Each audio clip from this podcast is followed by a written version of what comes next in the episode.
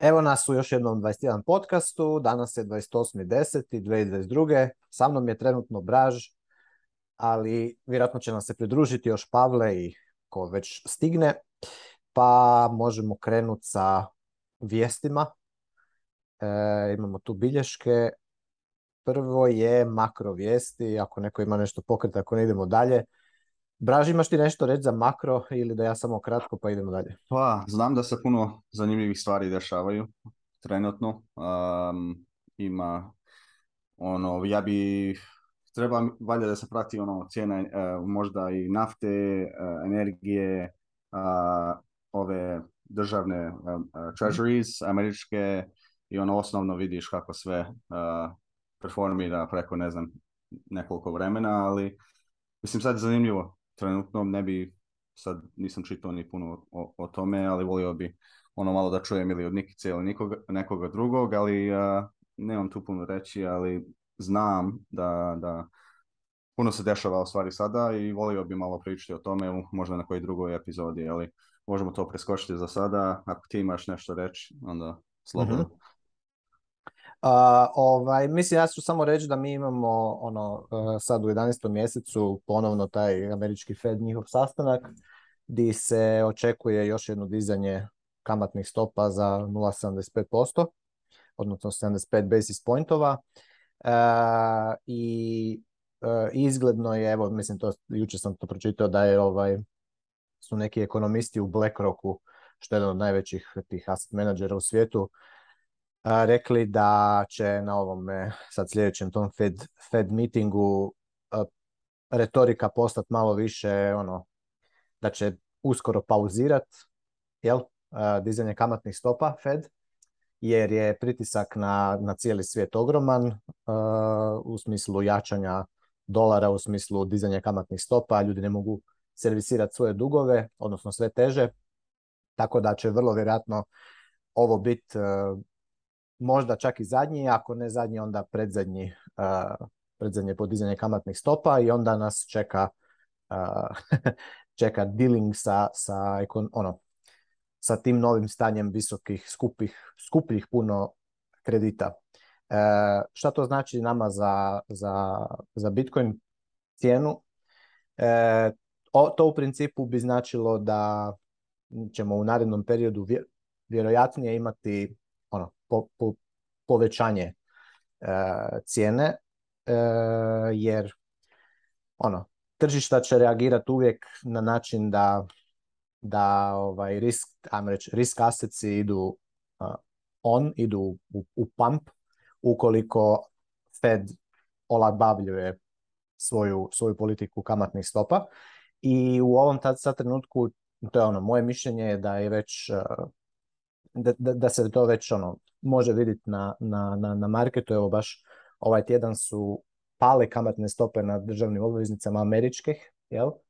I mogli bi vidjeti uh, mogli bi vidjeti ono, ajmo reći, jedan bull market, mali, po mom mišljenju mali, mali.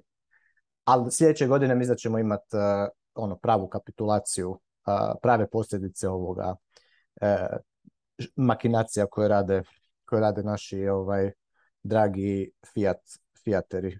Da, e, što, što je zanimljivo je Bitcoin u stvari ono, ima manje volatilnost ovih da. zadnjih, ne znam, mjesec, dva, možda i više, možda i manje. Da, a, da. Nego sve ostale, mislim, bukvalno sve. da. Znači, obične velike kompanije, Facebook. Da, baš to sam mislio spomenuti. Facebook, Google, Apple, Eh, palo, eh, Microsoft palo im je ovaj, stok. dionice baš, baš dionice puno. su im pale, a ono, i, taj, mislim da će se i taj narativ da je Bitcoin ono, koreliran sa teh kompanijama isto pomalo gubit, eh, jer praktički sad u ovom trenutku nema ono, kad, skoro pa da, nema. Kad svi imaju ovaj. para da, da, da, troše na to, onda i da. taj ulazi u istu kategoriju, znaš, njima. Um, ali u ovoj situaciji je malo drugačije. Mislim da ima puno svakakvih problema u, u, u Engleskoj, znam da neke pen, pen, kao penzijske fondove su još malo pukle i onda država morala uskočiti da, da, da kupuje taj gilt, koje, to je njihov kao bond, sovereign bond. Um, I ima tako, ne znam, nekoliko slučajeva za njih par nedelja, par, ne, par mjeseci I da, naravno, mislim da će taj Fed morati uskočiti, vidi sad da se već mijenja, mislim kako oni pričaju o tome. Da. Znači, uh, i još sam htio pitati, uh, te tech kompanije, kad, kad im dionice ili akcije su pale toliko, uh, jel bilo prije nekoliko dana, ne znam, nismo, nismo ovo stavili u beleške, ali uh, htio sam samo da spomenem čisto da, da ljudi znaju, um, ali mislim da uveli su kao taj Biden administracija neki CHIPS Act koji bukvalno zabranjuje ljude, američke ljude, znači ako si ti državljanin Amerike, Amerike, ti ne možeš raditi uopšte za neku kinesku sad chips kompaniju koja pravi mikroprocesore. Znači, ako ti si na bilo kakvi nivou, executive, manager uh, i radiš za te kompanije, ti moraš odma, mislim, bukvalno taj dan je danas, da daješ otkaz iz te kompanije ili izgubiš tvoj pasoš. Znači, ovo je neki još jedan korak uh, u nekako, ne znam kako bi zvao, neki rat oko uh, nekih osnovnih stvari. Mislim, energija je jedna stvar, ovo su mikroprocesori, oni se koriste bukvalno sve u modernom svetu. Uh, bez njih ne, ne, bi moglo ono da sve funkcioniše kako funkcioniše.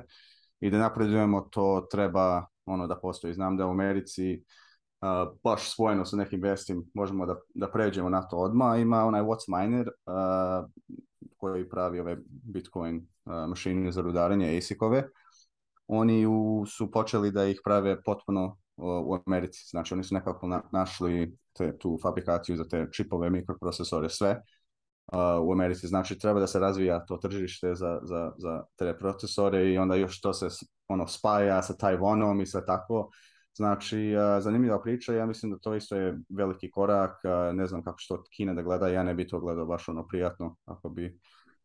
I mislim da efekat to, to, to odluk, te odluke je baš ono, baš velika. Um, znači da, sam sam htio to htio ubaciti. Komentari slobodno ili nastavljamo dalje. Je, e.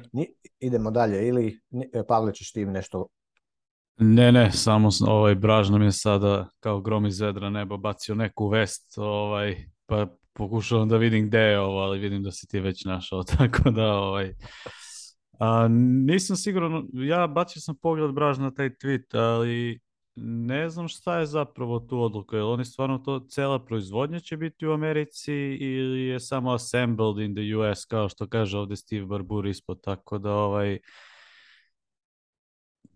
Mislim da, da. da nema, pravo, to, da. da. nema to dovoljno jasnih stvari. Mislim da su oni dosta ono kriptično tweetovali A, within important parts, se... pa to piše, da.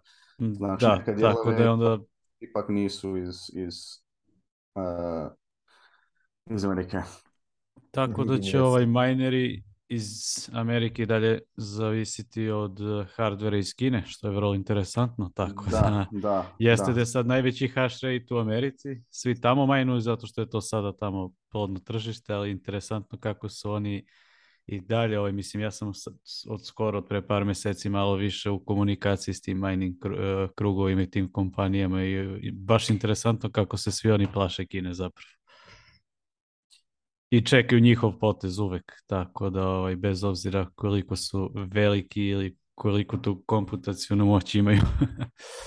tako da nisu da. baš oni nezavisni kao što, što bi hteli, makar ja mislim. Da, to je dobra stvar onda što su već ti mineri ono, napravljeni i prodati i ljudi ih već koriste, zato ako bi situacija bila da Kina sad kontroliše i može bukvalno da, da, da zaustavi taj flow ASIC-ova ili te čipove koje se koriste u te ASIC-ove, onda je završeno, nema nove ASIC-ove, znaš, cijena ASIC-ova odmah leti. Um, i, ali dobro je što se sve ono, to se sve razvijalo već nekoliko godina, znači situ, situacija ako se to desi neće biti ono, bit će efekat veliki, ali neće biti kao što, što bi bilo prije nekoliko godina. Hm. Da, da. Hoćeš da krenemo onda mining vesti samo kad smo već ušli u tu priču da pokrijemo ovih 3-4 pa da se vratimo onda na ostalo, može, možda može. imati više smisla, da ne, ne znam. Ovaj, možda mineri slušaju ove, samo ove vesti i onda gase posle kad krenemo sa shitcoin mimovima i ostalim stvarima. A, ajde, ja ću ovaj da proletim pa se vi uključite ako neko nešto ima u vezi mining vesti, ali hash rate samo raste i dalje.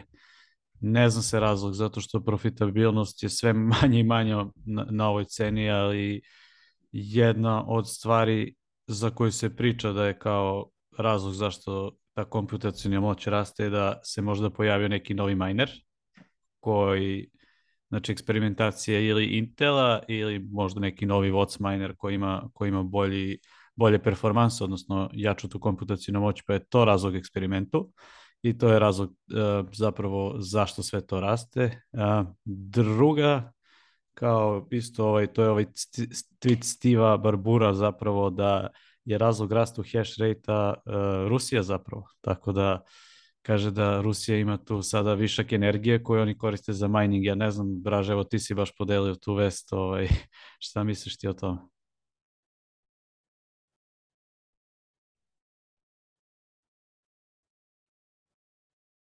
Mutiran si.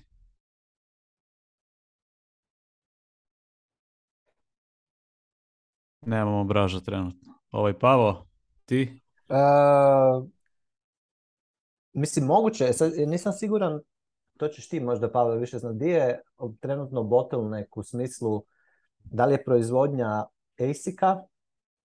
Jer gledaj, možda je moguće uh, ono, Znači, recimo, prošle godine i krajem 2020. je bio ono bull market i masu je, mislim, puno je ljudi htjelo počet minat Bitcoin, jel? Ali ti kad, od trenutka kad ti naručiš ASIC, dok ti njega dođeš, ono, dobiješ dok on, dok ga staviš online, ne mora, nije to ono preko noći, nije da naručim danas, sutra, evo, sutra počne minat. Moguće je da je ovaj, ovaj porast u hash rateu jednostavno ono, delay od svih tih narudžbi koje su, koje su bile u, u, unutar bull marketa, a ovaj a, a ukapčaju se u, u, u taj stranded energy, znači ne znam, Rusija ima negde tamo ono, a, vadi plini, i čuj, mogu jednostavno flerat, umjesto da fleraju plin stave, stave minere ili na hidroelektrane. To je teško, teško je to reći, ali E, nije nužno da opće moraš platiti, to je da, da, da, imaš e, cijenu struje, nego jednostavno imaš negde pristup e, struji, nekakvu napuštenu hidroelektranu na kudi možeš nakopčat miner. Tako da teško je to reći, ali evo, mo može biti da je i Rusija, može biti da je svašta. Ja mislim da je par stvari, mislim ti si dobro rekao, ja mislim da je jedan, mislim jedan faktor je tu što Steve kaže, on je mislim, eksplodirala ta onaj pipeline gore u, u, u Nord Stream 1 ili 2, zaboravio sam koji 2 mislim, i ne možeš sad ti prodati tu višak plina. Um, I jednostavno ćeš, ono, ako izgleda da, da ove proizvodače ovih minera su u stvari prodaju više i više isekova Rusiji, što znači oni ih koriste. Uh, I još ono što si ti rekao, ja mislim da so, to sve doda uh, na kraju, ima dosta tih velikih kompanija koji su ono naručili neki velik, veliku količinu minera i tek su sad spremne one facilities za njih i tek se sad pale i onda još treća stvar možda ima neke nove, nove ono, minere kao što je Pavle rekao da oni ih testiraju sada trenutno iako je ako su baš ono efikasni onda ih vredi testirati sve odjednom um, i sigurno ono, to sve kad se, kad se doda, onda se vidi nešto kao što se vidi na tom čartu. Odlično, odlično si to sumirao i mislim dobro je ovo i Pavel dao taj ugao. Baš zanimljivo jeste, mislim meni to nije ni palo na pamet da je taj Uh, taj zastoj u tom lancu snabdevanja zapravo možda razlog zašto su ljudi sada dobili te nove minere i onda ih tek sada prikupčali. Uh, A možda i taj neki veliki tehnološki proboj, to je isto interesantno, mislim, zamisli da stvarno postoji neko ko trenutno majnuje na svojim novim majnerima i koristi e, ovu tržišnu priliku. Ne znam, mislim, malo mi je teško da poverujem u to baš zbog tih e, hardverskih ograničenja i tog lanca snabdevanja koje je pukao tokom ovih a, e, godinu dve, tako da, ali možda stvarno i da, skup svih tih nekih stvari, zašto taj hash rate raste. Ne smemo zaboraviti ni e, Ethereum i The Merge, tako da su možda većina ovih manjih, e, isto, da. manjih minera krenuli malo da, ovaj, da, da majnuju Bitcoin. Možda su krenuli da kupuju prave hardvere i ovaj, prelaze sa, sa GPU-a, šta znam. O, možda i ne, ali sigurno je jedan postotak ljudi u, u tome isto krenuo. Tako da, mislim, sve ovo dobro za Bitcoin, sve ovo odlično što je te, veći hash rate, eh, naravno sve, sve je pod navodnicima sigurnija ta, ta mreža, tako da ovaj, dobra stvar, dobra stvar i sve je teže napasti Bitcoin, gotovo mislim nemoguće, ja sad ne znam matematički ko, kolika bi komputacijona moć i snaga trebala biti da, da se mreža napadne, mislim generalno najsigurniji sistem trenutno na svetu koji skroz decentralizovano funkcioniše, tako da odlična stvar, ne toliko za majnere koji evo, mislim, za njih je ovo slabo profitabilno, što je veća konkurencija, što je manja cena Bitcoina, to je njima sve sve manje profitabilno da majnu, ali Pavao, mislim, tu ti uvek imaš ono dobro, ti kažeš to je tržište i ako njima nije profitabilno, oni će isključiti majnere i to je to, znači mora da imaju neku profitabilnost ako majnu ili da, da im da, nešto ili će ići znači. gdje im je profitabilno, ići će, ići će gdje je izvor uh, energije, struje, uh, tržišno, inače tržišno neekonomičan, znači recimo imaš negde u što bi rekli u nekoj vuko je, ono, imaš nekakvu hidroelektranu ili imaš nekakav eh, vulkan ili imaš nekakav gejzer ili imaš nekakav eh, ono, diplin izlazi non stop van. Dođeš tamo, tamo ti jednostavno, ti možeš tamo generirati struju i onda je ono nositi u, u grad gdje ti imaš industriju i kućanstva, ali ti je to pre, preskupo i onda ideš i onda nećeš to napraviti. Ajmo dalje. Ideja mi se sviđa baš, baš puno. Zamisli sad oko nekog vulkana ili ono staviš geo, uh, geothermal onu energiju i, i, i, bukvalno ono Bitcoin izlazi. Kad, sad, kad god vidiš ono višak energije, to ti bukvalno znači novac. Uh, sa neku malu, tako je, ne ma, baš je, malu investiciju, ali to veže baš e, energiju za, za, za, novac, što je Bitcoin to radi, što je vrlo zanimljivo. Ima tu uh, spojena vijest, ova najveći miner na svetu izgleda, uh, Core Scientific. Um, ako Pavao da što da baciš to na, na ekran, oni imaju, uh, imaju neke probleme. Znači, kad ovaj hash rate ovoliko skače, ide toliko, uh, sad je mislim blizu 300, ako nije prešao 300, ne mislim da je prešao 300, exahash, uh, bude sve teže i teže ovim minerima kojim je cena energije nije ono idealna, Uh, da, da prave pare. I dođu u ovakvu situaciju gde su uzeli neke dugove da kupe mašine, mašine mo možda stigle kasno, oni stavili, uključili te mašine, već o, možda se cijena energije a, e, mijenjala, možda se cijena Bitcoin mijenjala, možda se težina a, e, Bitcoin mininga mijenjala i situacija, situacija je da sad oni ne mogu sad da to naplate i ne znam, ostalo im samo 24 ono, bitcoina, mislim ne samo, ali za veliku kompaniju to je nije baš neki veliki broj, pogotovo najveći bitcoin miner i izgleda da su oni ono, približivaju uh, bankrotiranju. Um, Znači, vidi se sad kad, kad ovaj hash rate baš skače, onda će to stisnuti ove minere koje nisu efikasne uh, i kao ono što je Pavel rekao, da će oni morati naći neko drugo mjesto. Znači, oni ih prodaju, uzmu te pare i situacija je sad te minere vrede jednu, jednu trećinu što su vredile prije, ne znam, godinu dana. I sad ti kad ih prodaš, oni, to je sve na, u njihove knjige, znaš, i oni dođe situacija ranije da oni moraju da ih prodaju, to, Znači, koje assets oni imaju ne vrede više koliko su njihove dugove i oni moraju prodati. Odluka je, je mora se, se napraviti. I to će situacija sad s ovom kompanijom. Ima još jedan link iz Coindeska, to ćemo staviti dole u, u, u opis uh, podcasta. I tako, to, to su ti vijesti oko mininga. Znači, da, ne znam, jel imate neke komentare na to? Mislim, ovo ovde je ovaj Darin Feinstein, taj o, glava toga, on je bio na Sejfidinovom podcastu, seminaru pri part 1, samo sekundu. A ovaj, problem s time je ono, kredit. Znači, to samo sve što ću reći na, na tu temu. To, oni su se zaduživali jako u bull marketu i onda je ono, stvari roknula. Tako da, uput, ono, pouka za sve stay away from that, evo. Da, da, to je ono kada ljudi postanu pohlepni, kada, kada ovaj brojki idu gore i onda bez razmišljanja krenu u neka ulaganja i zaduživanja. I to je ona Pavlova priča isto da je apsolutno ludost uzimati kredit eh, kako bi kupili Bitcoin i da ljudi jednostavno treba pre svega da optimizuju svoju potrošnju, poslovanje šta god, pre nego što lete u neke ovakve lude investicije.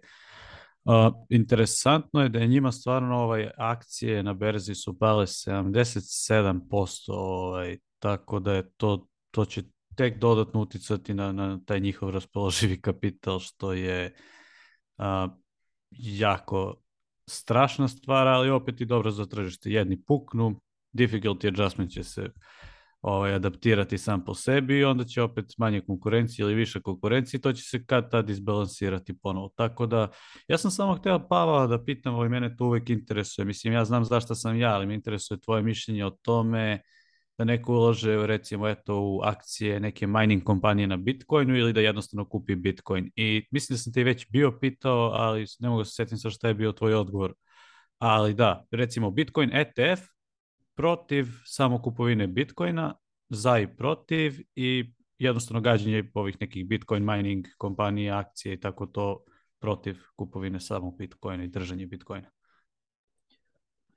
Uh Znači, ako se recimo nekakva velika kompanija koja želi se izložiti cijeni Bitcoina, a ne može iz bilo kog razloga držati Bitcoin ono, u self-custody, na self-custody način i ne želi možda plaćati onu veliku premiju na onaj GBTC, onaj trust uh, koji, koji je ono, to je trust, onda ćeš ako si velika kompanija, ćeš pokušavati naći način da se izložiš uh, vrijednosti Bitcoina kroz recimo, ne znam, ulaganje u mining kompanije, ulaganje u MicroStrategy. Znači, te sve kompanije koje su javno izlistane praktički tradaju kao, kao Bitcoin. Kad Bitcoin pumpa i one pumpaju.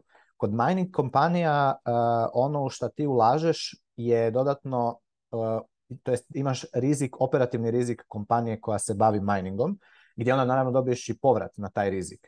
Tako da ćeš ti, ako, ako je mining kompanija efikasna, konkurentna, znači da ima dobro, dobro postavljene operacije, da ima jako dobar eh, ono, cash flow management, da, da ima dobar treasury management. Jer ono što ne treba zaboraviti, puno minera uh, eh, ne, ne, nema dobar treasury management. Znači oni u bull marketu bi trebali prodavat eh, bitcoine, jel? tako da onda mogu pokrivat troškove za bear market, a, ovaj, a mnogi u biti u bull marketu se ne žele prodavat, nego ono, drže ih i onda se još i leverage to što recimo napravio Core Scientific i još neki, ono, nije, nije to ni prvi ni zadnji miner koji to napravi i onda ima problema u bear marketu. Znači, ako ti hoćeš ulagati u, u, u mining kompanije, po meni bi trebao, uh, po meni ni bilo ko ko ide ulagat, ko ide investirat, ne bi trebao uh, uopće se s time baviti, osim ukoliko ne radi to s nekim ko je ono profesi, profesionalni investitor koji će mu objasniti kako se čita financijsko izvješće kompanije, šta su prihodi, šta su rashodi, šta je balance sheet, šta je ono uh, e, COGS, šta su šta je EBITDA i takve stvari. Znači, te, to je ono, uh, ti preuzimaš dodatni rizik, a ovaj kažem, operativni rizik mining kompanije, svaka mining kompanija može bankrotirati propast iz bilo kog razloga. Može se jednostavno dogoditi da se, ne znam, ti napraviš data centar negdje, kreneš majnat, imaš tamo tisuću majnera, dogodi se, nemam pojma, veliki potres i sve se to poništi. Tako da ti imaš uvijek taj rizik, sistemski rizik same kompanije, koji naravno te onda vraćati povrat. Jel? E sad, to se isplati raditi, kažem, ako si, po meni, ako, si, ako znaš kalkulirat uh, ono, rizik i ukoliko imaš toliku, toliku štednju u Bitcoinu da sad želiš jedan dio tih Bitcoina, e, ajmo reći, riskirat da bi dobio još veći, da bi dobio povrat na njih, što je skroz legitimno i Okay. Ovaj, ali i da, i, i a, a, mislim da kad, kad se bude još povećala efikasnost općenito ulaganja u Bitcoin, znači kad budemo imali Bitcoin ETF i kad budemo imali još puno veću proliferaciju ono pristupa uh, Bitcoinu, znači kad banke budu imale uh, ono možete klijenti banke unutar banke kupiti Bitcoin uh, i prodati Bitcoin i tako dalje, kad banke budu ču, držale Bitcoin za kompanije koje inače ono bankare s njima, to će ono mining industrija će se sve više i više ajmo reći čistiti od tih neefikasnih minera koji ono e, imaju komponentu te spekulacije i ono pumpanja hajpa koji će ti kad čim ti na, na temelju svojih nekakvih emocija bile to hajp ili, ili strah ako ti radiš financijske odluke koje će ti imati reperkusiju ono godinama koje dolaze uh, si ono što bi rekao onaj Kevin O'Leary idiot management i idiot management se treba get rid of it znači svi ovi mineri koji sada padaju to je ono idiot management koji se to se treba počistiti tako da I, I to je uvijek dobro, to je jako, jako zdravo za tržište. Jer ne treba da zaboraviti, znači svi ti, sva ta mašinerija, sva, sav taj kapital, sva te fizički strojevi, ti ljudi koji inače tamo rade ono operativno, oni dalje postoje. Jedino što se događa kad se kompanija bankrotira da se promijeni vlasnik i najčešće se promijeni način kako se upravlja s tim kapitalom. Tako da on postane produktivni kapital, a ne da uništava kapital. Tako da to je jako zdravo, to je super. Pa osobno ja ono, niti u jednu tu, tu majni kompaniju nisam ušao toliko da sam joj išao ono baš iz list, ono, pročitat njeno, njena financijska izvješća, da bi onda išao ono investirat uh, u nju. A recimo tipa Steve Barbour, on je na primjer super, ja znam Safedin je njemu ono nekakav mali angel investor bio ono drži nekakav, to je, a to je, pra, to je privatna kompanija, znači on zna točno koliko kako, kako im stoje ono bilance, kako im stoji ono, financials Tako da se tu može napraviti. A ove javne kompanije, bez da znaš e, fina, ono, čitanje financijskih izvješća, nemaš po meni šta raditi tamo. A ako znaš, onda si, onda si ipak e, ono, profesionalac, pa ti je to instrument koji ti, koji ti omogućava izlaganje cijene Bitcoina. Ali za plebove, po meni, većina plebova se treba fokusirati na, na držanje bitcoina kao novca. Ne, ne, ne, ne. A onda ako, kažem, ako su već puno iskusni, da, da pače. Ulagati tu minere. U vezu onoga što si prišao ranije, uh, ako ne možeš ono, držati Bitcoin zbog nekog razloga, onda ima sad onaj tweet sam izbacio Sailor of tweet ako si ka, kao uh, performance mikro, njegove kompanije protiv ono neke druge tech kompanije.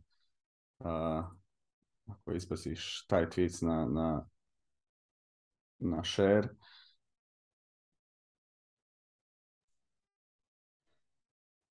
i ono baš i bio kao MicroStrategy 121 ono posto vratilo a ono najveća tech kompanija je Apple koja je ono tri, oko 30%. Znači bukvalno ako mislim, Pavle, ne znam, jel to, znam da Pavle je dao dosta, dosta dobar odgovor, ali ako ne možeš, onda imaš druge opcije, ali ipak Bitcoin ti je ipak najbolja, zato ne moraš da veruješ nikog drugog oko toga, na primjer, ili da da ti oni drže kao pristup da, da, da, da, da možeš da koristiš taj Bitcoin.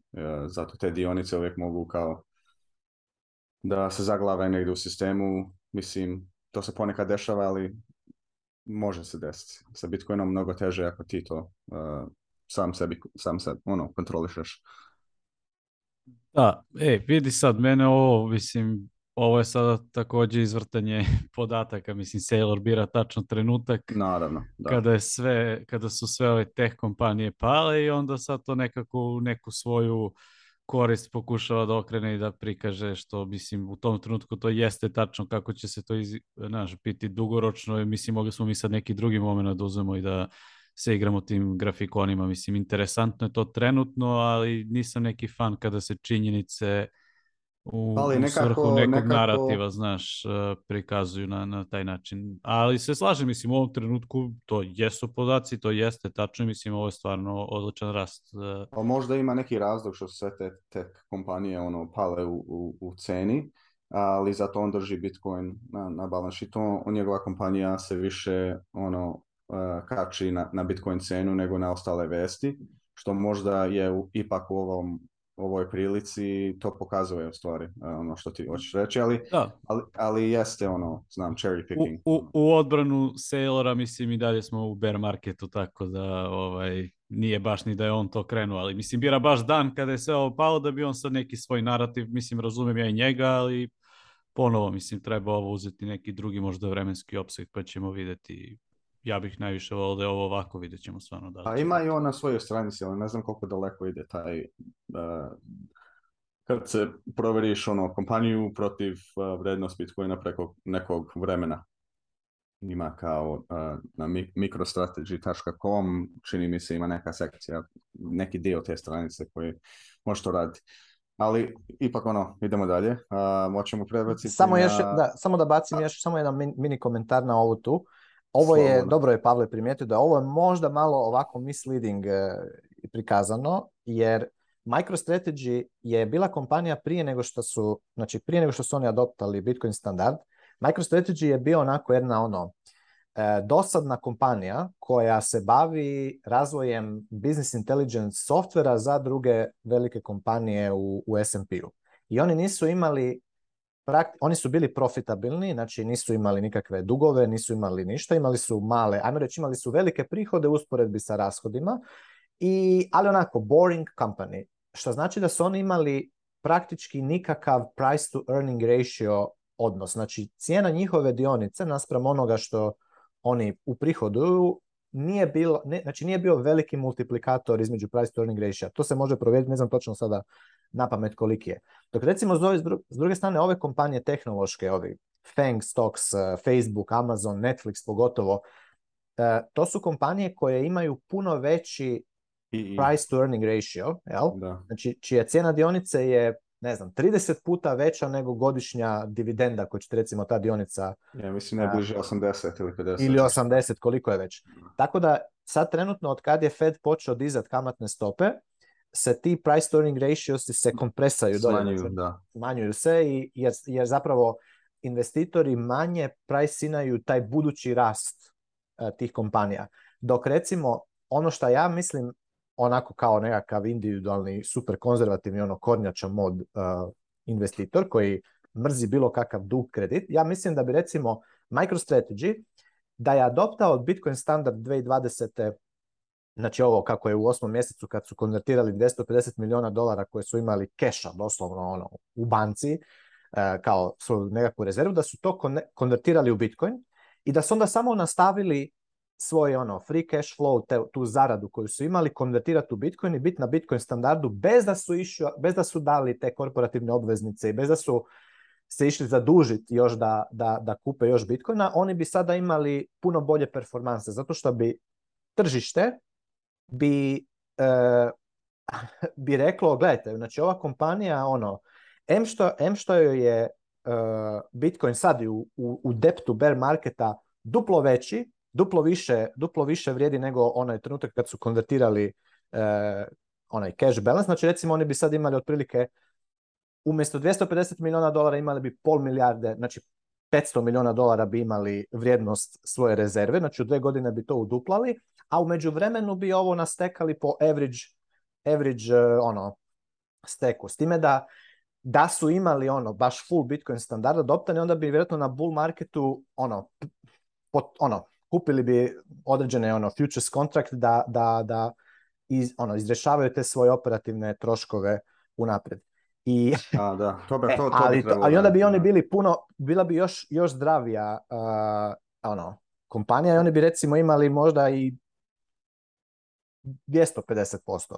200%. Ja mislim da, da oni možda bi to htjeli to uraditi, ali ima uh, u, u, u, u, pravila uh, računovođe u, u, u Americi za kompanije zove se uh, taj gap accounting, G-A-A-P accounting. Da a, to ne tretira Bitcoin kao ostale dionice i akcije, to ga tretira nekako kao neka druga investicija, možda kao a, je, neka ali umetnost. Ili slažem se tako. s tim, ali to, ali to ti isto, ali ipak je tu najviše, najviše to bilo taj FOMO od Sailora. Ja to mogu razumjeti, jednostavno čovjek je, čovjek je pa da. sam je to on govorio, on je osjećao FOMO, kad je skužio šta je Bitcoin. Jer on nije ono, 2013. je on tweetao za Bitcoin da to, nije bio skeptičan, a sad je skužio ono kad, kad su bili ti lockdowni, kad je to sve skupa krenulo, kad je vidio šta, šta je američki Fed ono 40% monetarne da, da, baze da. napumpa u ekonomiju ono u, u roku niš e, kao da spašava ljude od virusa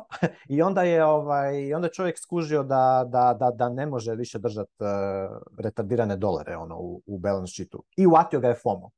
I sad teško je, jako je, kažem, teško je, ne, ne, ne treba suditi nikoga, ali činjenica je da, da ono, kad te FOMO uhvati, napravit ćeš neke stvari koje ti mo- neće nužno biti najpametnije ono, long term. Ali opet, s obzirom na to koliko, su, koliko je ovaj Fiat standard kompanije, koliko su napuhane bile, jel? Ti price to earning ratio su bili napuhani strašno, tako on sad može pokazati da je, da je MSTR, da je ono, ima veći return nego, kao dionica nego, nego ove ostale kompanije.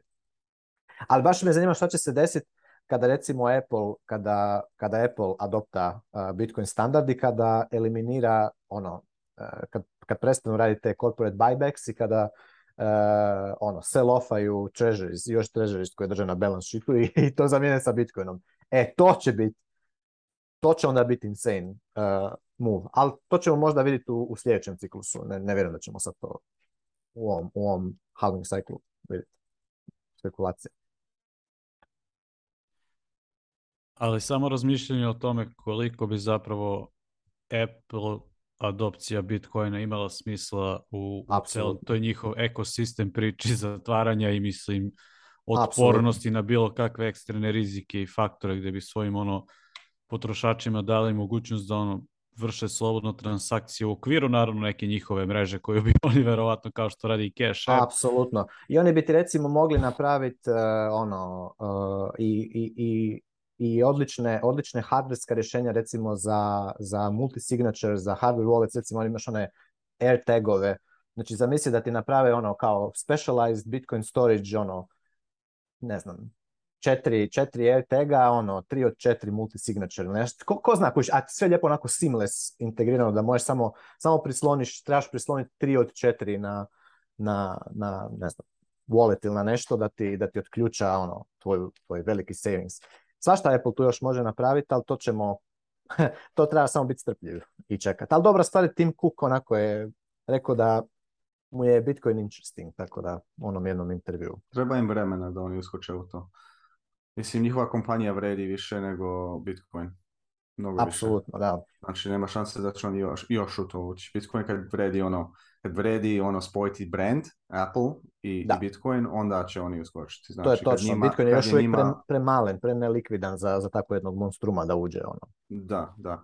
Inače, imamo dosta da, vesti. Hoćemo da... Sa, samo sam hteo da dodam, mislim, ja stvarno duboko verujem da se dosta ljudi u tim velikim korporacijama igra i da postoje odeljenja koje eksperimentišu sa Bitcoinom. Znači ja imam neki primer koji ne, ne mogu sad javno da vam otkrijem, ali ima stvarno korporacija koje se igraju sa, sa, sa Bitcoinom, makar u onom research departmentu, tako da sve će to doći na svoje, samo je malo potrebno strpljenje i mogu samo da zamislim šta će biti kada ljudi mogu da ranuju node na Apple hardveru, kada će Lightning Node biti tehnologija koju ti nećeš ni znati da ranuješ Lightning Node, a da ćeš moći da. to da ranuješ na, na, na svom telefonu.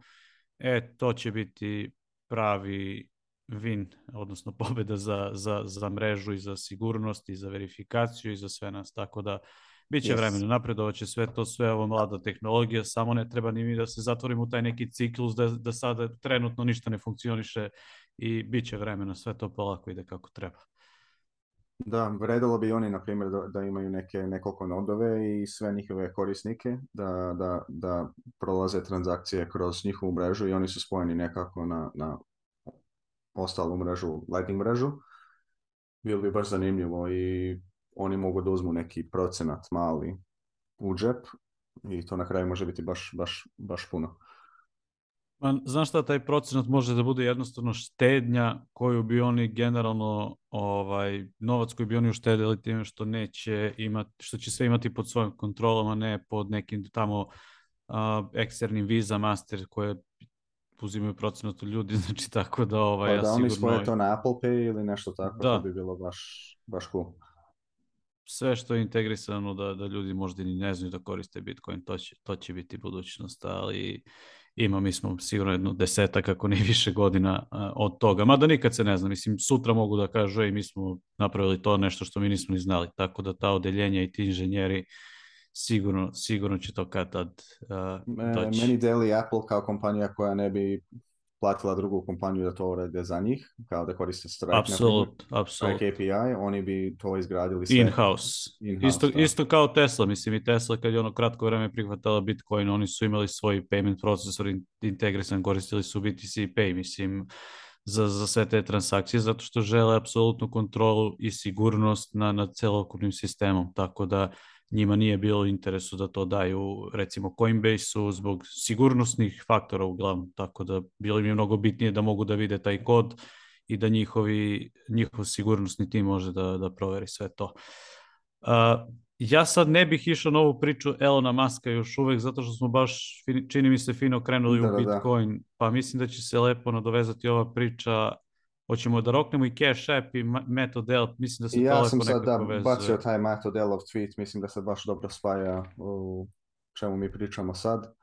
A, možemo početi sa Cash App. Kako Ajde, ovaj, mogu ja da pokrijem taj QR kod, pošto je meni to nešto što mi je blisko, ovaj, mi smo to na Bitcoin dizajnu ovaj, pravili taj sajt za Vaša. Bitcoin QR kod. Znači, Cash App je generalno krenuo da omogućava korisnicima da prihvataju uplate preko Lightning Networka i Zanimljiva stvar, kada ti sad imaš Bitcoin i Lightning, uh, ono čim se ljudi sreću je da oni imaju te, na to gledaju kao dve različite mreže. I sad imaš jedan QR kod koji je za Bitcoin on-chain i imaš drugi QR kod koji je za Bitcoin Lightning. Uh, sada neki ljudi su došli na ideju da se taj QR kod objedini i da zapravo ideja bude da nema nikakve razlike između Bitcoina i Lightninga, da korisnik koji plaća, za njega je to Bitcoin, a na voletu i na, na, na servisu koji pruža uslugu na bilo koji način je na to, e, to da odredi kako će zapravo to da funkcioniše.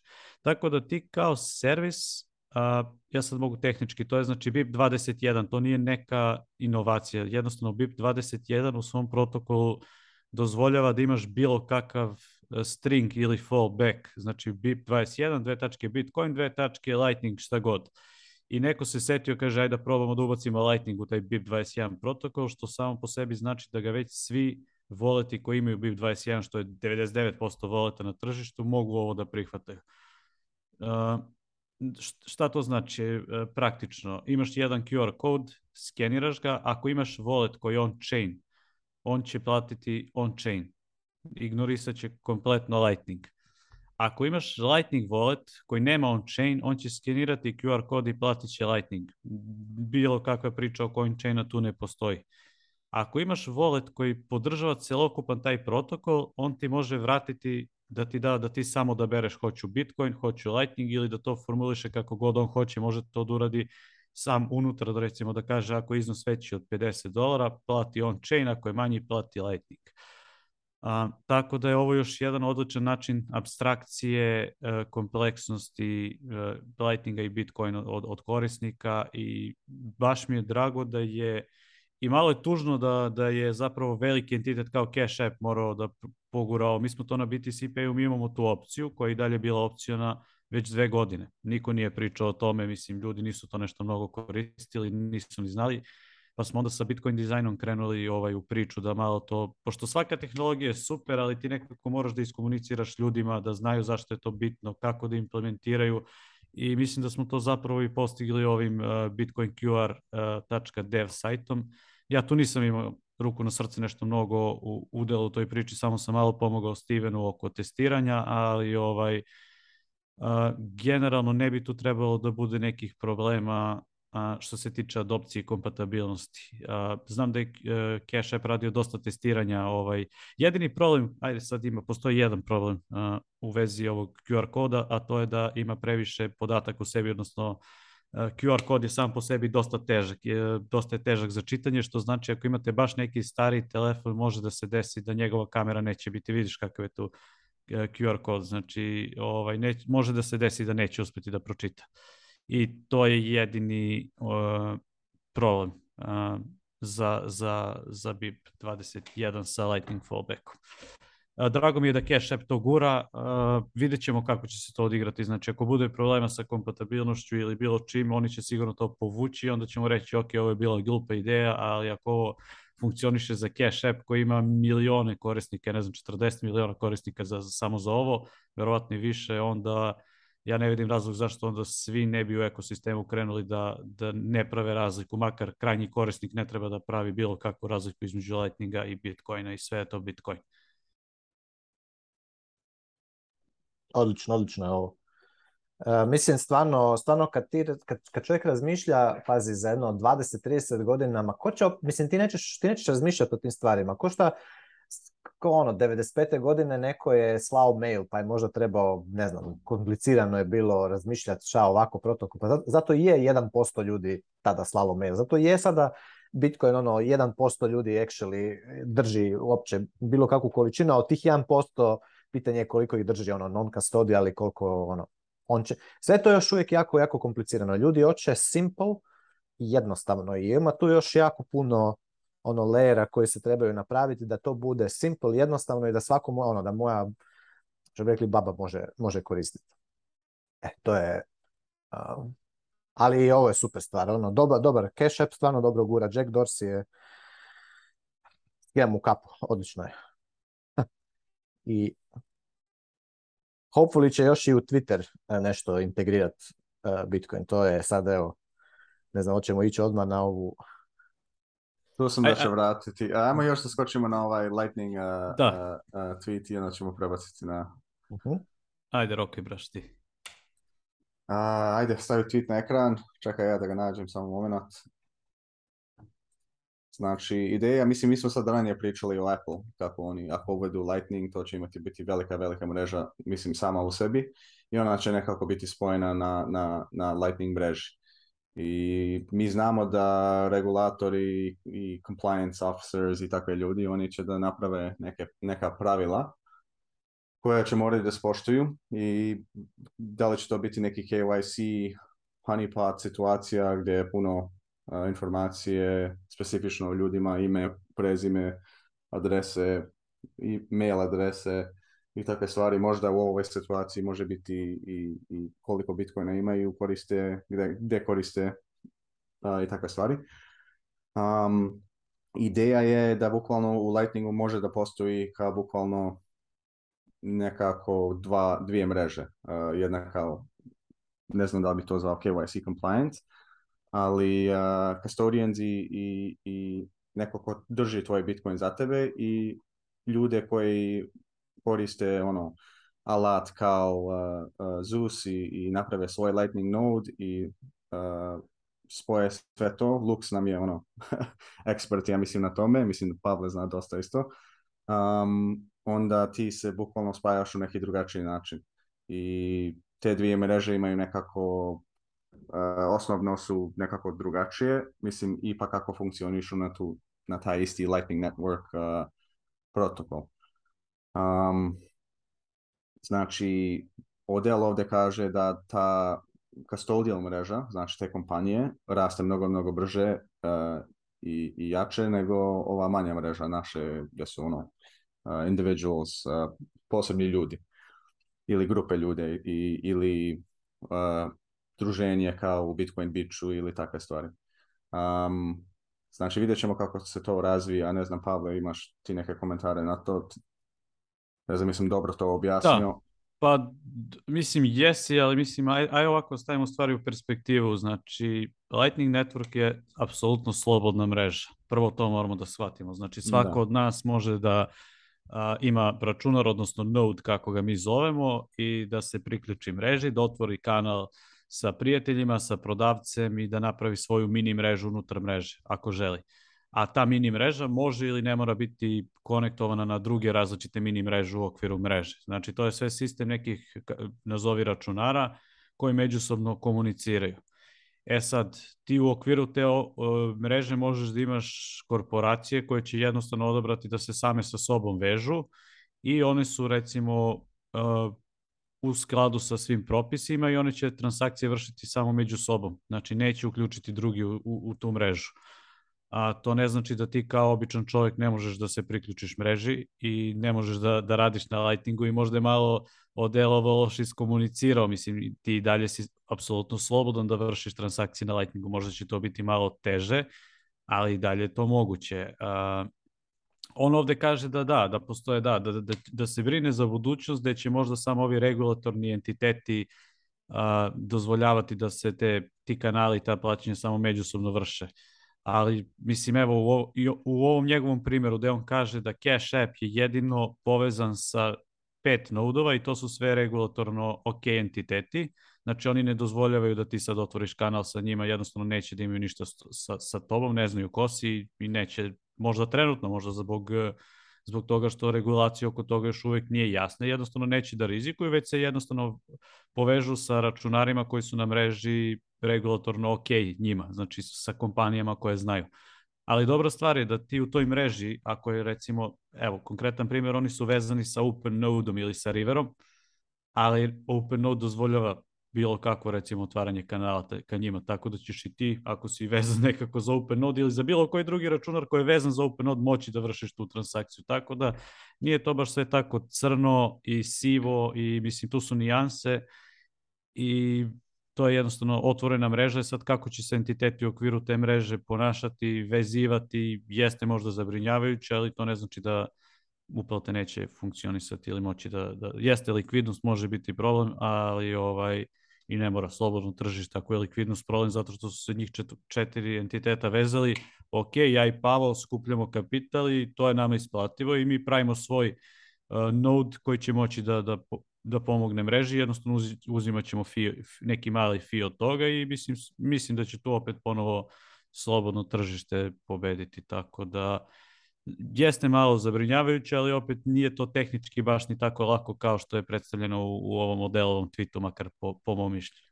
Mislim, da bacim komentar. Mislim, meni malo je, malo mi ide na živce neka te, te ono, uh, concern, uh, plakaću, jer tu Lightning Networks. Znači, to što si ti rekao, Pavle, Lightning Network je protokol otvoren za svih. Ako ja hoću s nekim plaćat, bez da iko zna, koliko, kad, kako i instantno otvorit ću s tim čovjekom channel, jel? Niko me ne može, nikome ne može ovaj, zabraniti, niko mi ne može, ja ne moram pitati nikoga za dozvolu za to napraviti. Znači, ako ja s nekim otvorim jedan BTC channel, ok, i, i, i to je private channel koji nije, ono, ne, nije dio routing networka i ja ga opće, ono, samo imam channel sa tim jednim čovjekom. Ono, who cares? Znači, ovo su, ono, E, mislim, e, na, neki, na nekoj razini malo me živcira zato što se kao da se vidi da mislim, definitivno, metodel je ono, bomba, lik, ono, odličan je, da mu thumbs up, sve to super. Ali nekad ska, skoro na neki način kao da ne razumije kako Bitcoin actually funkcionira.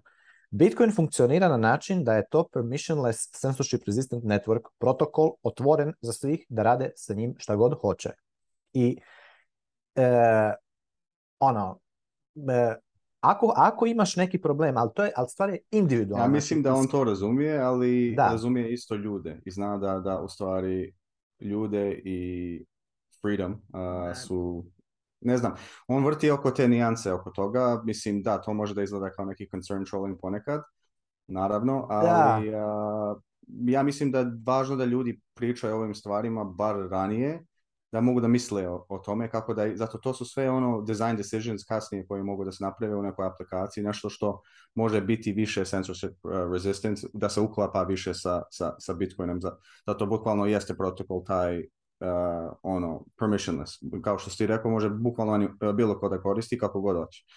I to je vrlo važna stvar, ali ljudi ne znaju o tome i mislim bitno je da, da, da pričamo o tim detaljima bar ponekad da Mislim, ne da, ne, ne da plašimo ljude. Pa, mislim, da... Pazi, regulatorni, pre, on govori regulatorni pressure. Regulatorni pressure će samo uh, potjerat ljude u, da, da, da još, kako bi rekao, da strengthenaju taj, taj peer-to-peer network nature. Znači da bude ono, uh, ja, na, ja uvijek zapravo... Sa pozitivne strane. Sa, da, da ja, ja, ja, ja, čak, ja, ja bi volio da... veći regulatorni pressure. Kužiš, ja bi e, e ako raz, po meni ako razumiješ šta je Bitcoin, ti zapravo želiš da regulatorni pressure bude što je moguće jači, tako da ljudi što je moguće više strengthenaju taj Bitcoin network. Jer da regulatorni pressure ode ča skroz i da se države ono eliminiraju sve te ogroman taj bloat kojega imaju i da samo budu u niš drugo, mislim, realno potražnja za Bitcoinom bi pala drastično. To je ono core cijele te priče.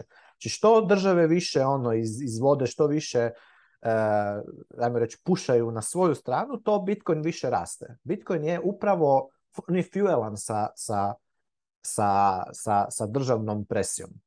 Znači, prezentirati to kao problem, po meni je, kako bi rekao, misguided, jer, jer ljudima onda predstavlja Bitcoin, vidiš, država, kako bi rekao, daje, kao da daje na neki način moć veliku, veliku državu, državi i regulatornim pritiscima. Ma ništa, regulatorni pritisci samo, samo pojačavaju Bitcoin i čine ga više decentraliziranim, čine ga više robustnim, čine ga više, a, kako bi rekao, kvalitetnim, ja da boljim i tako dalje. Vreme, na duže vreme da, ali na kraće vreme ja mislim ljudi će da, na primjer sad da, da zamislim neka, teoretski kao neko ima neki Bitcoin u Apple i sad Apple nije kao node spojen ne znam, na neki El Salvador privatan node, ne znam, ja i on ne može sada iskoristiti taj Bitcoin tu. Mislim, takve stvari, ili neko izgubi uh, e, wallet Satoshi, ima neki problem, uh, data leak ili hakovan, mogu ljudi lako, ili KYC, ono, Mt. Gox, bukvalno, neko ima e, Bitcoin da. na nekom exchange u i pukne exchange i završeno. Mislim, te, te su te osnovne stvari koji... A to je dobro za Bitcoin. Znači, to je dobro da se klima... Da, na kraju imaš... jeste, ali za tog čoveka koji ima Bitcoin tu nije baš najlepši osjećaj, ali ha, na duže vreme to da, jeste dobro. Zato je to individualna odgovornost. Bitcoin je, nije, nema tu ono, joj šta ćemo mi, ko smo to mi? Šta ćeš ti, šta ću ja, šta će svako od nas individualno napraviti, to je ono na šta se Bitcoin svodi. Šta moj node kaže? Nema tu šta ćemo mi, Ma zaboli me šta ćemo mi. Ko smo to mi? Definiraj mi mi, we. We, da, we da. are facing a challenge because of the, you know, centralization of whatever. Ne, we. Ti faces challenge. Šta je tvoj? Ti, in particular ti. Samo ti. I šta ti ćeš napraviti, ono, to je ono šta će, šta će definirati Bitcoin. I suma odluka individualaca koji koriste Bitcoin protokol čini Bitcoin. I što su individue više pod pretis, pod presingom tog kolektivističkog državnog monstruma, to će Bitcoin kao sistem biti jači i robustniji. I zato welcomeat, da, neka, neka ono, cenzuriraju Wallet of Satoshi. A onda se Wallet of Satoshi će se raz, razbiti na desetke tisuća Wallet of Satoshija. To bi da, recimo da, da. inkrisalo adoption ovoga, odnosno ubrzi, ubrzalo, akceleriralo razvoj ovih Federetić, Omjan, Minci, ko zna kakvih još modela. Znači, da. sve, sve je dobro, sve je dobro za Bitcoin. Jedino što ne bi bilo dobro za Bitcoin, pod navodnicima, bi bilo da se država, da se države, regulatori, da se, ajmo reći, vrate natrag u, u svoj okvir. Ali opet bi i to bilo dobro, jer bi onda bili, onda bi svima bilo bolje ne bi imali uh, retardirani fiat debt slavery uh, oko mhm. nas. Tako da Bitcoin kako god okreneš je dobro. Ako, ako će se države osvijestiti, ako će se recimo sada ova financijska velika kriza, ako će dovesti do toga da će sve države izbankrotirati, da će se doslovno ono smanjiti na, na niš, na sudove i na, na, na policiju, onda će ono, e, o, mislim, č, živit ćemo u, u slobodnom, slobodnom svijetu. Jel? Bitcoin možda neće biti, ne znam šta, ali ćemo živjeti u slobodnom, slobodnom svijetu gdje, će, gdje ljudi neće biti pod opresijom. A ako će države nastaviti dalje ovo ono perpetuirati, onda će Bitcoin jednostavno emergeat kao, kao alternativa. To je moje mišljenje, ono, ali opet, eh, uvijek razumijem, metodel, okay, concerning privacy, you, we, we are red flags, ovo ono. Na kraju cijele dana bitno je šta svako od nas individualno radi. A ono. Pa da, ali moraju da naprave odluke i te odluke možda treba im neka informacija ne, nešto više da naprave tu odluku ili da bolj, bolju odluku naprave. Mislim, to je jedina stvar što... Da. da Najbolja kažem, odluka no... za svakoga je da ode all in u Bitcoin. Tako da, kad si all in u Bitcoin, onda ti ovakve stvari jednostavno onako, zvuče, zvuče, zvuče mi čudno, ono, mislim, je to da, za nekog, kako bih rekao, ja da sad nekoga ko, koga, komu je objašnjava šta je Bitcoin, da mu sad kaže, e, gledaj, na šta, ali malo sam ja zabrinut, jer ipak, naš, vidiš, tu Lightning Network imaš jedan dio E, ono centraliziranih, e, bit će regulatorni pritisak, imaš Cash App, imaš River Financial, imaš e, ne znam, fa, ovaj, Kraken, Node, oni su ti ono veliki nodovi, to ha, pitanje je kako će biti, čovjek će me gledat. Dajde, a dobro, ja razumijem opet, Mato Del to komunicira mislim... bitcoinerima koji on hoće njih potaknuti da se da, da ono više misle na svoj privacy i tako dalje i to se skupa. Ali opet. Ipak e, to je nekako vest isto o, o, o razvoja u Lightningu, zato Lightning već postoji ono samo Evo. Da. par godina i, i čisto se vidi kako se razvija ta dva ekosistema i mislim da je ono važno da, da, da pratimo kako se to ono a, šta se tu dešava Sa, par godina. S, samo još jedno, mislim, tehnička stvar, ne postoji Lightning mreža jedna, znači ti imaš mnogo mreža unutar te jedne, samo su one sada trenutno vezane. Da, bukvalno kao internet, mislim sada svi koriste internet, ali niko ne zna sad komu tačno da, komu ISP provider ili tako neke stvari, mislim obično čovjek ne razmišlja o tome, ali slažem se s tobom Braš da je e, bitno da se o ovakvim stvarima priča, ali takođe mislim da odel malo pogrešnu perspektivu daje ovde, zato što recimo ja znam Strike recimo, oni ne, ne žele da imaju konekcije sa drugim uh, računarima, odnosno nodovima na mreži iz praktičnih razloga performansi, znači oni hoće da njihovi korisnici, da njima uplata uvek ide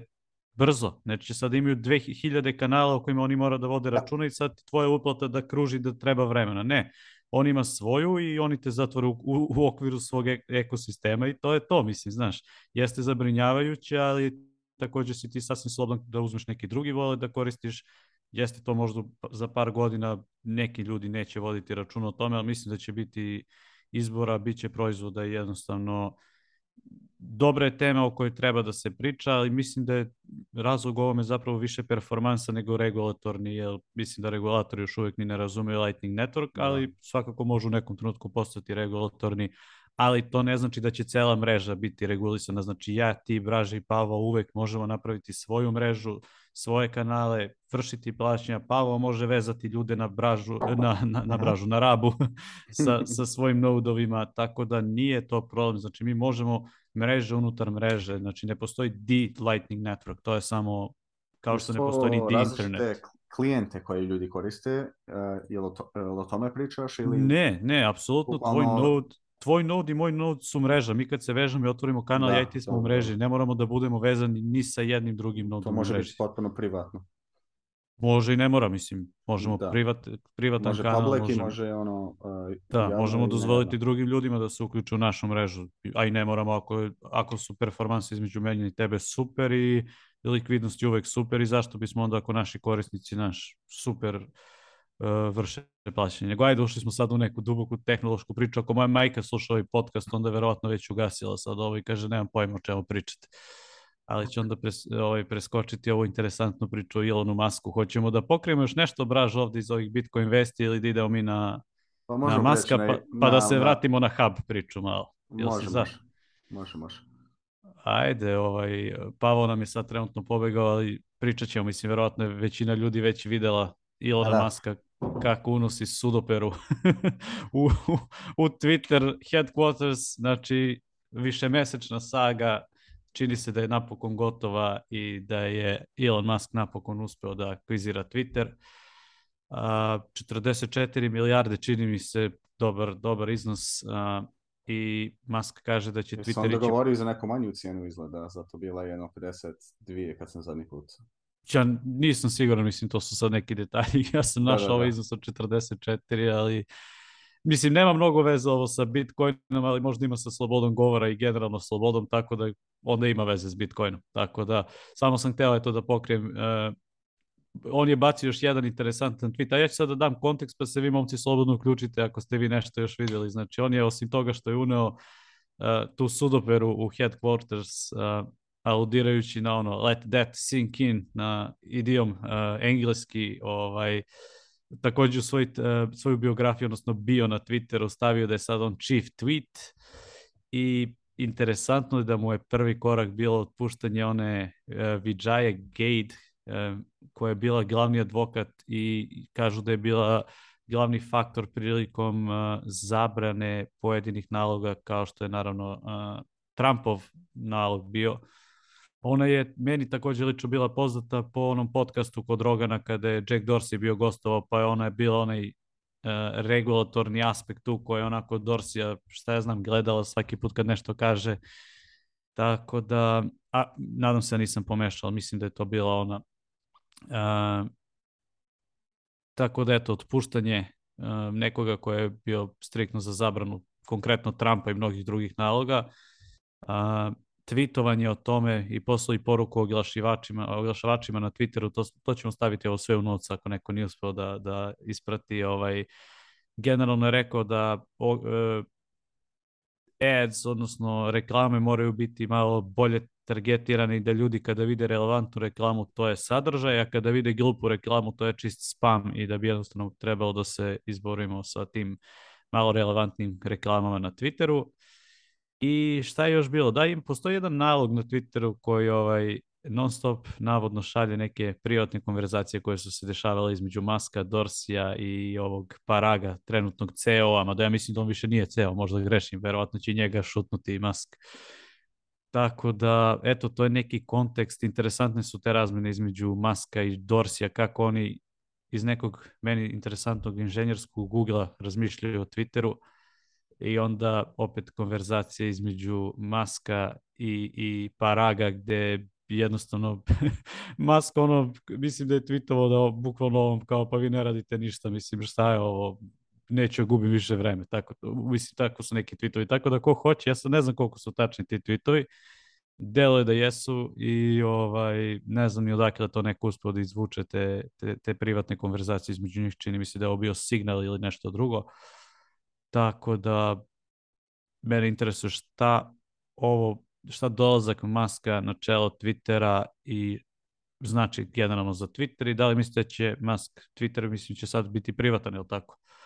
Šta će to značiti za samu platformu i da li to znači da ćemo plaćati Twitter i zašto je to dobro, a zašto ne? I još bolje pitanje ta, ta sloboda govora me interesuje. Da, da, da. Ima tu baš nekih par zanimljivih stvari. Sad čitam te, te mailove, ne znam pa Pavao to neke stvari bacio na ekran. Um, ne znam da bih počeo. Uh, da, on je baš dao otkaz. Nije, mislim da je par ljudima dao otkaz.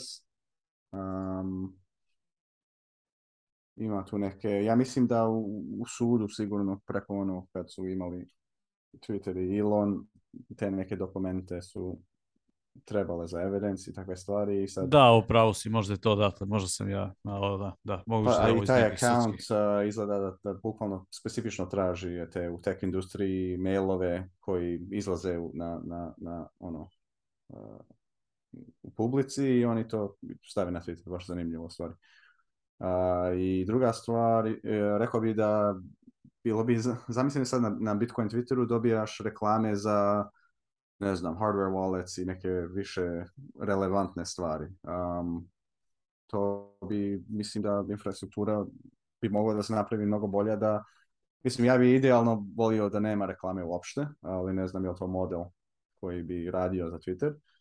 Um, pa vidim, hoću da vidim kakve promjene će da, da budu. Mislim, to je on izjavio kao važna platforma za, za čovečanstvo gde ljudi mogu ono, otvoreno da pri, da pričaju i ja mislim da, da se slažem sa njim i mislim da kako su zadnjih par godina i više valjda na Twitteru ovi koji su ga prije, um, prije su koji su bili tu nisu baš najbolje ga, ga ima tu puno cenzure i videli smo to korone kako stavljaju one labels kao piše ovo je ovo nije tačno pogledajte ovu stranicu za, za, za istinu, vrlo ono 1984 uh, vibe.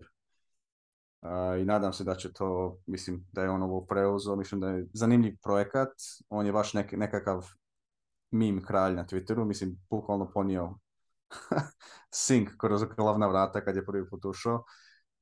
Um, izgleda da će, da će, malo da iščisti tu kompaniju i da, da nadam se da će, da će pokušaj da napravi, naprave mnogo, mnogo bolje.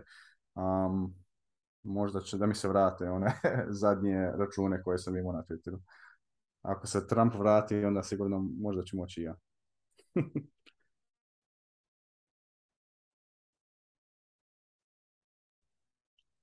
Ajmo vidjeti šta će Elon napraviti. To treba dati mu vremena. Malo vremena, da. Ma, o, ovaj, ja mislim da će sigurno biti neki premium subscription koji će ti malo očistiti ove botove i ostalo, ali da, treba vremena, vidjet ćemo da li će nešto biti. Možda Dogecoin postane standard na Twitteru i onda mi svi sa Bitcoin Twittera rage quitujemo i odemo na neke druge platforme, ko zna. Pa možda, ne bi možda i to, da. Ali ja mislim da on to gleda ono, osnovno kao inženjerski problem, a oni prije na Twitteru su gledali kao neku nekakvu moderaciju, kao da je to glavna stvar. Znači, ja mislim da će onda smani fokus na moderaciju a, i da poviši fokus na, na ka, kakvu platformu, koja struktura tu treba biti da to da što, što više ljudi radi i da poštoje ono neka osnovna pravila kako god hoće neko da, da učestvuje na, na tu platformu, da može to da učestvuje i da, da nekako ima to društvo, ne znam, nije. Um, znači, taj experience mora biti baš dobar i nema, da ne bude ono hiljadu botova u, u, u, ono, da odgovore za tri sekunda. Mislim, ima dosta toga, ja vidim, te osnovne stvari treba da se iščiste i treba ljudi da, da se ono... Da- mislim, neverovatno je da oni ne žele da reše taj problem. Ima neki razlog zbog kog ne žele, verovatno ovaj, brojka korisnika na Twitteru je velika većina su botovi, njima to odgovara shareholderima da, da zapravo tako neke informacije daju kako brojka stalno raste, kako je veći engagement ili šta ti ja znam, tako da, da. ja stvarno mislim to je toliko lako inženjerski rešiti da se taj spam taj spam problem smo rešili pre 20 godina, mislim, nije da. to rocket science, pa zato i nastao proof of work kao uh, sistem da reši da. spam problem, mislim. Tako da imaju oni neki nešto zašto njima to odgovara i mislim ako Ali Twitter... ja mislim sad možda zato je privata kompanija, Masku nije bitno koliko ljudi imaju, on, njemu je bitno da, da, da ljudi koji su na platformu su ono, pravi ljudi. Ma da, i da, da znači, dobije on će možda to, to da, da ičisti. Njemu nije važno uopšte koliko botova ima. Znači, prije to je bilo nekako za shareholders, ovo imamo ovoliko 400 miliona, 700 miliona. Ma da. Ja? A sad on iščisti 50 miliona ovih računa i njemu nije bitno zato sad ono iskustvo koje ljudi imaju na tom platformi, na toj platformi će biti mnogo, mnogo lepše i to vuče više više ljudi da imaju ono kvalitetnije razgovore. Bog zna šta će on tu uraditi, možda će ono zajebati mm. skroz. Možda i ne uradi ništa, da. Ipak imam ne, nekakvu vjeru da, da ovo je nekako dobra stvar i, i eksperiment čisti na ovom digitalnom tržištu uh, koji se sve veći i veći gradi. Um. Da, Ok, aj, ovaj, nije bila Bitcoin tema, ali je svakako nešto što nas Bitcoinere uvijek interesuje, taj Twitter, pa smo zato preleteli malo preko toga. A i bit će dobro za, ovaj, za SEO u YouTube-u, ajmo da vičemo Elon Musk e, i Twitter, možda će nas neko otkriti ovaj, algoritmi da nas otkriju i da nas bace malo, da nas ljudi gledaju više, to je slušaju. A, Hoćemo ove neke manje vesti ili hoćeš braš da malo pričamo o ovoj Bitcoin Hub ideji, kako napredujemo, koje su nam problemi koje trenutno imamo i šta su nam dalji koraci? Hoćemo malo možda o tome, mislim da je to možda interesantno da pa, malo... Pa, možemo neki priču. mali summary na, na, na tome dati. Ja e, vidim da neko napisao pitanje, imamo pitanje ovde ono koji su vam omiljeni hardware projekti a, i kakvi hardware uređaji bi volili imati u, u Bitcoin Hubu. Znači, ne znam, možemo malo to da iskombinujemo te ta dva te dvije Dobro, teme. daj prvo da damo kontekst samo, ne znam ko je slušao šta je Bitcoin Hub, znači ovaj, naša neka ideja je da imamo neki fizički prostor, konkretno pošto smo mi ovde u Beogradu, da imamo ovaj neki hub gde bismo mogli da se okupljamo, da radimo, da svako ko radi u industriji, svako ko je entuzijasta može doći da uči, da bude okružen ljudima koji slično razmišljaju i neki cilj je da će se iz tih interakcije ljudi i stvoriti neke mnogo dobre ideje uh, i da će se potencijalno uh, podstaći preduzetništvo u, u, ovdje u regionu, mislim, i da će se poboljšati edukacija ljudi u vezi s Bitcoinom. Uh, mi svi komuniciramo digitalno i ovako imamo regularno i meetupe svake dve nedelje ovdje konkretno, ali bilo bi dosta dobro da jednostavno imamo neki fizički prostor gde ćemo moći da se družimo i da stvaramo i da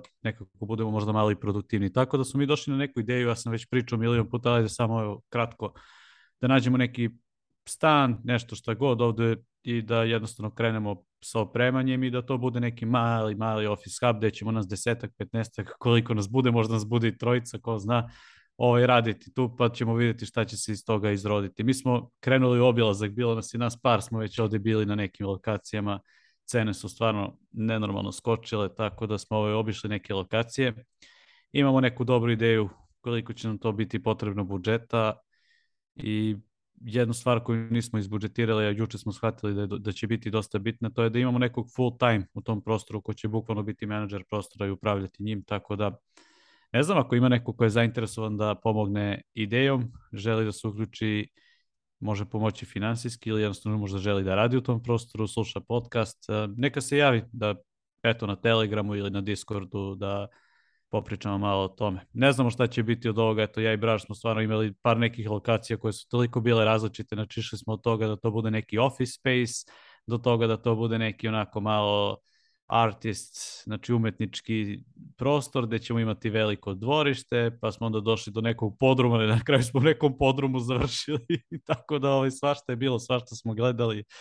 Uh, ne, nemamo još uvek jasnu ideju konkretno šta mi želimo i kako to ostvariti, ali mislim da dan po dan pa se nekako sve to jasnije šta će nam trebati, pa ćemo tako izbudžetirati. Uh, ideja je da to bude neprofitna inicijativa, makar na prvi godinu dana, uh, pošto smatramo da svako treba da bude slobodan da dođe u tom prostoru i da nekako doprinosi i stvara, radi, možda to kroz par godina može da prerastu neku profit inicijativu, da bude kao neki akcelerator. Eto, ja, mislim, ja sam zaboravio ovaj Vulta da dodam u, u, u, u Notes, uh, američka isto firma koja je isto krenula baš, baš sa tom idejom koju smo mi imali da, da okupi sve te ljude na, na jednom prostoru i da ih dovede da, da, da rade na Bitcoinu.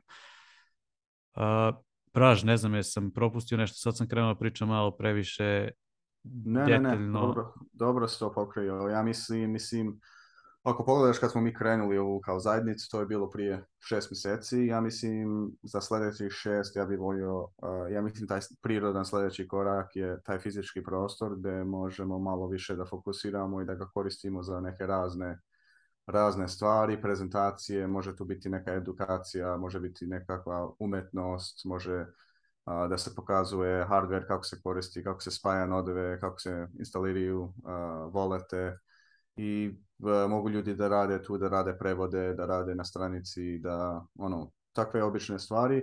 I onda još taj drugi možda posle toga korak će biti kao da li možemo da razvijemo neke Bitcoin kompanije iz, iz Srbije, da li imamo taj talent, da li možemo da...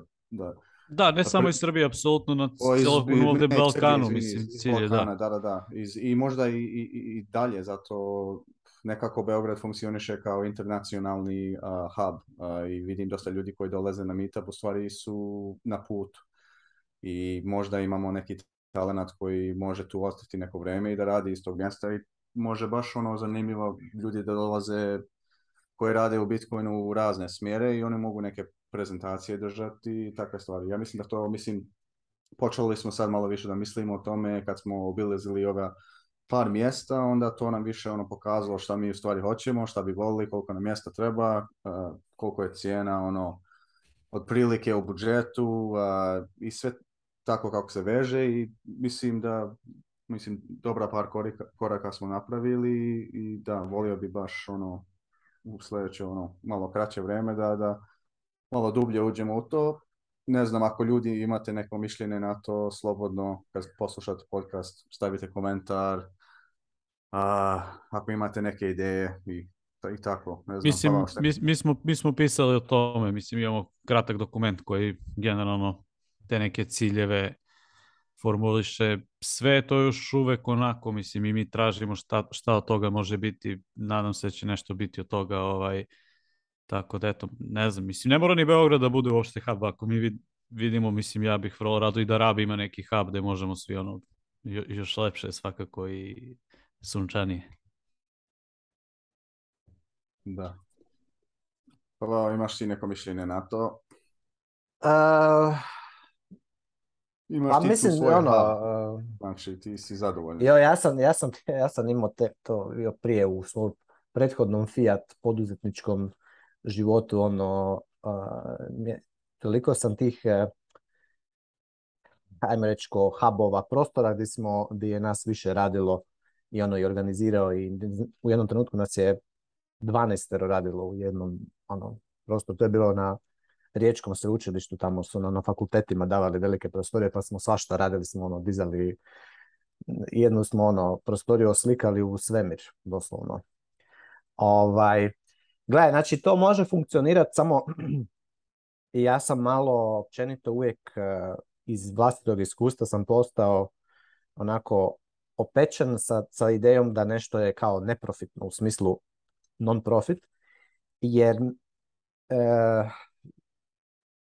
na kraju, pazi, mislim ti to, to treba, to treba financirati, treba održavati, treba raditi treba raditi nešto šta je, šta je korisno, a ovaj, ali može se napraviti neka, neki oblik um, kluba ili neku, neka vrsta nekakve ne, e, eh, članovi Udruženje, bi trebali, trebali bi plaćati nešto po meni e, da, da budu tamo. Naravno onda organizirati nekakve radionice koje mogu biti slobodnog pristupa i tako dalje, ali treba uvijek imati na umu da to treba voditi ka, ka, ka biznisu, ka poslu ne? i ka e, nekakvom...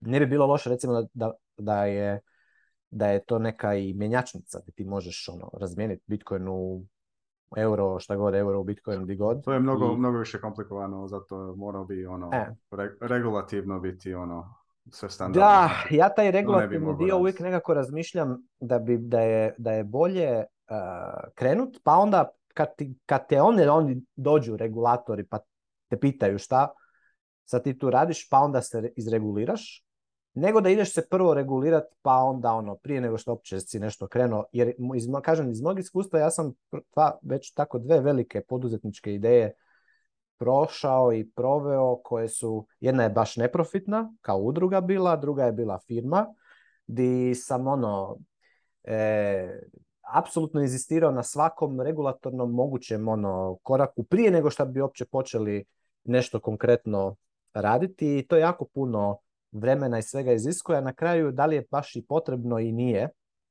po meni. A s druge strane, e, kako bi rekao, ja, nekako sam puno više sklon da recimo sad vi ste, vi ste u, u Beogradu, u Srbiji.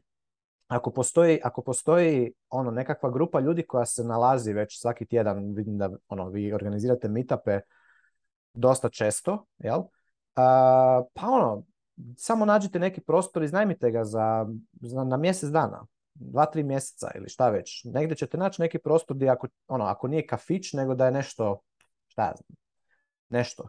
Pa onda, ono, organski to, to vidjeti šta će se tu e, formuli, ono, napraviti. Ali dobro, to je, pazi, ja ću vam biti suport u svakom slučaju i doletiću uh, e, do, do Beograda kako god i možemo onda i skupa nešto ono, smisliti kako, tu, kako to napraviti, ali ono, e, business, business. E, znači, te kompanije u, u, u Beogradu i ljude, te, to treba sve prebaciti na full Bitcoin standard. To je ono, zadatak.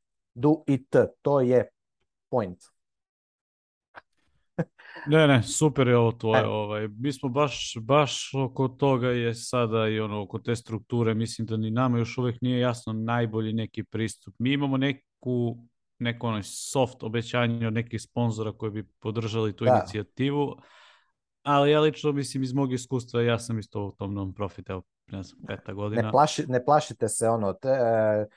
10% od uh, para koje uh, ljudi generiraju u, u Srbiji može biti uh, e, e, u, u kofer ići bitcoinera koji će ih prebaciti na bitcoin standard. Ljudi, da. spašavate ljude od, od dužničkog ropstva.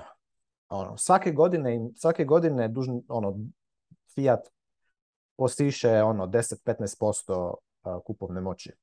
Tako da... da, mislim, naš, mi još uvek ne znamo tu strukturu, baš smo, mislim, i da. priča, pričali o tome da li je dugoročno to rešenje, nije, da li kratkoročno krenuti nešto, čisto da vidimo kako to ide. Mislim da je naj, najbitniji korak da mi krenemo nešto, pa će se iz toga, pa mislim, pa, da. stvoriti neke ideje a, svakako je mnogo produktivnije da mi imamo neki prostor gde možemo stvarno konkretno laptop, malo neke projekte, nego, ali da bi to bio non-profit, to stvarno moraju biti projekti koji će biti bitni za ekosistem, da bi ljudi hteli to da podrže. Tako da dok to nemamo, mislim da... Da, recimo tu kod nas u Hrvatskoj, vjerujem da je isto tako u Srbiji, za recimo neprofitnu udrugu trebaju ti tri, tri osnivača i treba napraviti statut udruge i treba napraviti e, račun u, u banci. Ne? i, i ono, i treba imati svoju nekakvu adresu dio je sjedište te udruge. To može biti doslovno kod tebe fizički doma, ne? Ne mora biti ne mora biti neki iznajmljeni prostor. A, ovaj, a onda ti to daje nekakav pravni oblik di možeš reći, ne znam, ako dolaziš, ne znam, organiziraš sad nekakvu, ne znam, predavanje ili tribinu ili radionicu ili šta god i dođe ti, ne znam, 20-30 ljudi koji su, ono, rade u nekakvim firmama šta god e, i, i ono, i plate nekakav, plate recimo, ne znam, 20-30 eura upad da tamo dođu i da stvarno nešto, nešto nauče konkretno i pametno i onda ako će kasnije oni recimo radit, e, ne znam, s vama da ćete ih vi konzulting im nekakav dat kako da oni svoje biznise, svoje firme ili firme u kojima rade prebace na Bitcoin standard ili makar stave par posto e, rezervi koje imaju u Bitcoin i kako će to praktično napraviti I onda ono, imaš nekakav format s kojim možeš izdat račun da si to napravio, da se to bude legatis i tako dalje. To, nije to problem, nije to, nije to nešto, se, to se sve odradi, samo što ja mislim da je to se, drugi korak. Prvi korak je samo napraviti onako na divlje, što bi rekli na crno, ja to zovem na bijelo, na slobodno, ali eto, država to zove na crno, ali je ono no, napraviš, jednostavno kreneš nešto. Ono, vi, vi, vi ste već krenuli s tim, tako da je to super. Uh, Sad neki prostor, mislim da ono, samo taj jedan step, ono, iznajmite se neki prostor. Evo, ja sam tu napravio, iznajmio ovaj ured tu na, na Rabu. Ono, to je mali ured, ali tu je ono i malo tih ljudi, ali kad recimo nekome baš treba, onda se može nešto napraviti. A ako bi recimo ja sad išao organizirati neko predavanje, što sam isto radio tu na Rabu, pre dve, dve, dve, tri godine, onda sam uh, zvao ove uh, tu gradonačelnika i to i da, onda se iznajmio imaju oni tu nekakvu halu za predavanje, onako. Ali to ti isto ono, kužiš, nije to sad ne znam šta i nećeš ti svaki dan raditi predavanje. Znači, ne znam, uh, ima, ima, siguran sam da možete, možete recimo na fakultetu negde, u nekoj školi organizirati uh, predavanje, ali agilno, agilno što je moguće ne, ne se, ne se fokusirati pretjerano na sad uh, kako će to izgledati struktura, struktura će doći s vremenom. Barem ja sam tako, ja sam griješio jer sam ja pokušao tu strukturu prvo nabijati, onda, onda to nas je u biti samo kočilo i kasnije nam je radilo puno blota i administracije i svega. Ali kako god napravite, ono, odlično. De, definitivno ću doći, uh, eh, eh, pa čak vjerojatno i ove zime sad, uh, pa da vidimo što se dešava. Ma da, upravo si to bukvalno može biti neki stan koji pa da. i gdje ćemo se mi... Mi smo ovaj, juče gledali jednu mnogo interesantnu lokaciju koja istorijski ovako, mislim, zgrada je preko puta muzeja Nikole Tesla, tako da nam je to Ajde. Pa bilo onako baš kao on point. Samo da, A dosta su Prince, skupe. Prince možda ima nekakav prostor negde. Uh, on je bio s nama na razgledanju jedne lokacije igrom mhm. slučaja, pošto je tu bio u blizini. Ovaj, on, on se javio da će on doći da radi odatle sada sa lokacijom i ovim nismo nešto pričali o tome, ali eto, A, možda biće. možemo da imamo nekoga, da. Tako da, da, upravo si ovaj. A, mislim, mi smo nekako sračunali grubo da će nam trebati nekih 30.000 hiljada eura samo za Kiriju za prvu godinu. Kažeš, Bitcoin i Polan treba, a? 150 miliona sa Satošija, dobar je, dobro je to. Dobar. Tako doći. To je dosta jaka ovaj cifra, pogotovo što to mora sve da se lepo opremi i ovaj, mislim stolovi, stolice, nije baš to to sada sve košta. Tako da mislim dobro, još uvek tražimo šta ćemo, ovaj, na kraju krajeva to možemo uzeti neki već opremljen stan i jednostavno tu krenuti na strojica, četvorica da radimo tako da ne mora biti ni, ni organizacija, pa onda ako to poraste uzmemo nešto veće, pa ako to poraste nešto veće, onda već možda ima smisla razgovarati o nečemu ozbiljnijem svakako. Ovaj, mislim, mislim da će najbitniji biti taj trenutak da ti ljude koji isto imaju iste interesovanja, koji su kreativni, rade nešto konkretno, ovaj, staviš u isti prostor, Sad ne znam kako je tvoje iskustvo s tim, ajde ti si već bio u tim nekim, znaš, da, da. se stvarno iz toga stvore, stvore neke praktične stvari i projekti ili je to samo za jebancije i onda na kraju niko ništa znaš ne... Znaš šta, stvori se jako puno praktičnih stvari, jako puno projekata, jako puno svačega, ali na kraju ti se uvijek sve svodi na to da li to generira dobit ili ne, da li je profitabilno, da, da li ono što ti radiš na kraju tržište vrednuje više nego što nego što si nego što čim si počeo. Na to se uvijek svodi cijela priča. Ako, ako, je, ako to radi više, Znači, onda, onda stvar funkcionira. Ako ne, može proći dugo vremena, pazi, može proći dugo vremena da ti izgleda da se nešto korisno dešava, opet u mom slučaju, svašta se dešava, ono, puno, puno izlaziš u medijima, puno, puno, ne znam, ono, puno čuješ pohvala svega i stvarno se i dešava. Mi smo imali ono proizvodnju tih edukacijskih robota, ono sto, to, to, to, to je shit show bili, ono, ako nekoga zanima može na mom YouTube kanalu vidjeti malo te možda starije videe. To, se, to je bilo ono, ludilo. Ali, ovaj, ali realno moraš, uh, moraš jednostavno generirati dobit. Moraš bit, uh, moraju ti prihodi biti veći od rashoda, točka. Ako nisu, kao što se vidimo sve ove vijesti, mineri, ovi, oni, kompanije, koji što sve ti ono puhanje u vjetar na kraju krajeva. Sve se svodi na to da ti uzimaš ono što radiš, da to tržište vredno je više nego, nego prije nego što si to krenuo raditi. A ogromno imaš, ogromno, ogromna je prilika, ogroman je potencijal, zato što realno ti pa kad pogledaš sada da ideš recimo u Beograd napraviš ono, 100 ljudi intervjuiraš, pitaš ih jel ste čuli za Bitcoin? Od 100, ja ti garantiram 100 će reći da. A jel imate išta Bitcoina? Od 100, jedan će ti reći da ima. Znači, 99 će ti biti on zero. I sad point je da ti tih 99 koji su on zero, da barem od njih 99, da barem njih 20 konvertiraš. Znači da get off zero. I tu će ti se otvoriti masa, masa prilika jer e, puno tih ljudi već rade, imaju neku štednju, imaju nekakve kompanije i te kompanije bi trebalo isto tako get off zero. Znači ono, prostora je milion, a bitcoineri su ti koji imaju ta specifična znanja i specifične vještine, jedino oni im to mogu napraviti. To im ne može napraviti njihovi, njihovi ti financijski savjetnici, ne može im napraviti to njihova banka, ne može im napraviti uh, shitcoineri koji ih, by the way, shitcoineri su već u tome ono vrhunski, oni vam imaju i firme, i udruge, i ono, konstantno te sve prostore organizirane, sve to skupa. E, tu kod mi u Hrvatskoj imamo taj UBIK se zove, udruga za blockchain i kriptovalute se zove. Stari moji, oni stalno imaju nekakve ono i, i hubove i prostore i predavanja i ovo i ono i priču s regulatorima i sa ovima i sa onima. Ali, ono, realno oni ne izvače ljude van iz dužničkog ropstva. A bitcoineri da, a samo bitcoineri su vidiš, ovako su ono, undercover, znaš šta tu stoji nešto u grupi, ali pazi, to, to, to je ono, kako bi rekao, Tu se nalaze te klice dobroga. Sad već mislim ono prezentacije što Bitcoin mesečno i probaš da uvučeš ono što više ljudi s ulice. Da. da. Po meni, da, upravo si, upravo zapravo si. je prvi korak nama. Čak i ne ići e, na, na ulicu i onda ono, orange pilat ljude, orange pilat ćeš ti uvijek ljude i to, nego orange pilat ovu grupu 21 do kraja. Znači, nju treba orange pilat.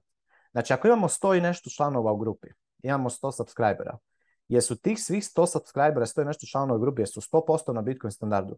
Nisu.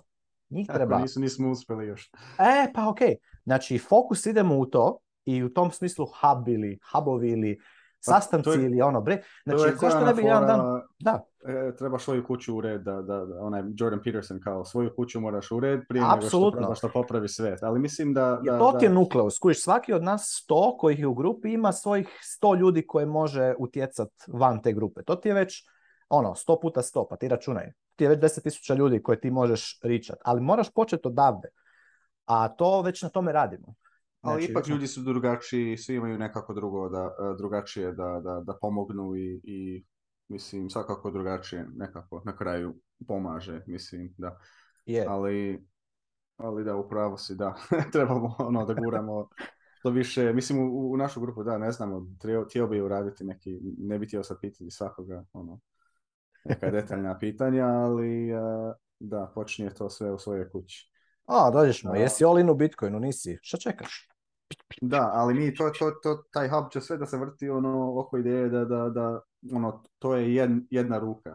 Će da vuče ljude, da, da uče o tome, da edukacija, da, da se osjećaju više i više udobni, da, da dođu do tog koraka. Sigurno, sigurno. Gde će ići ono, na, na, na Bitcoin standard.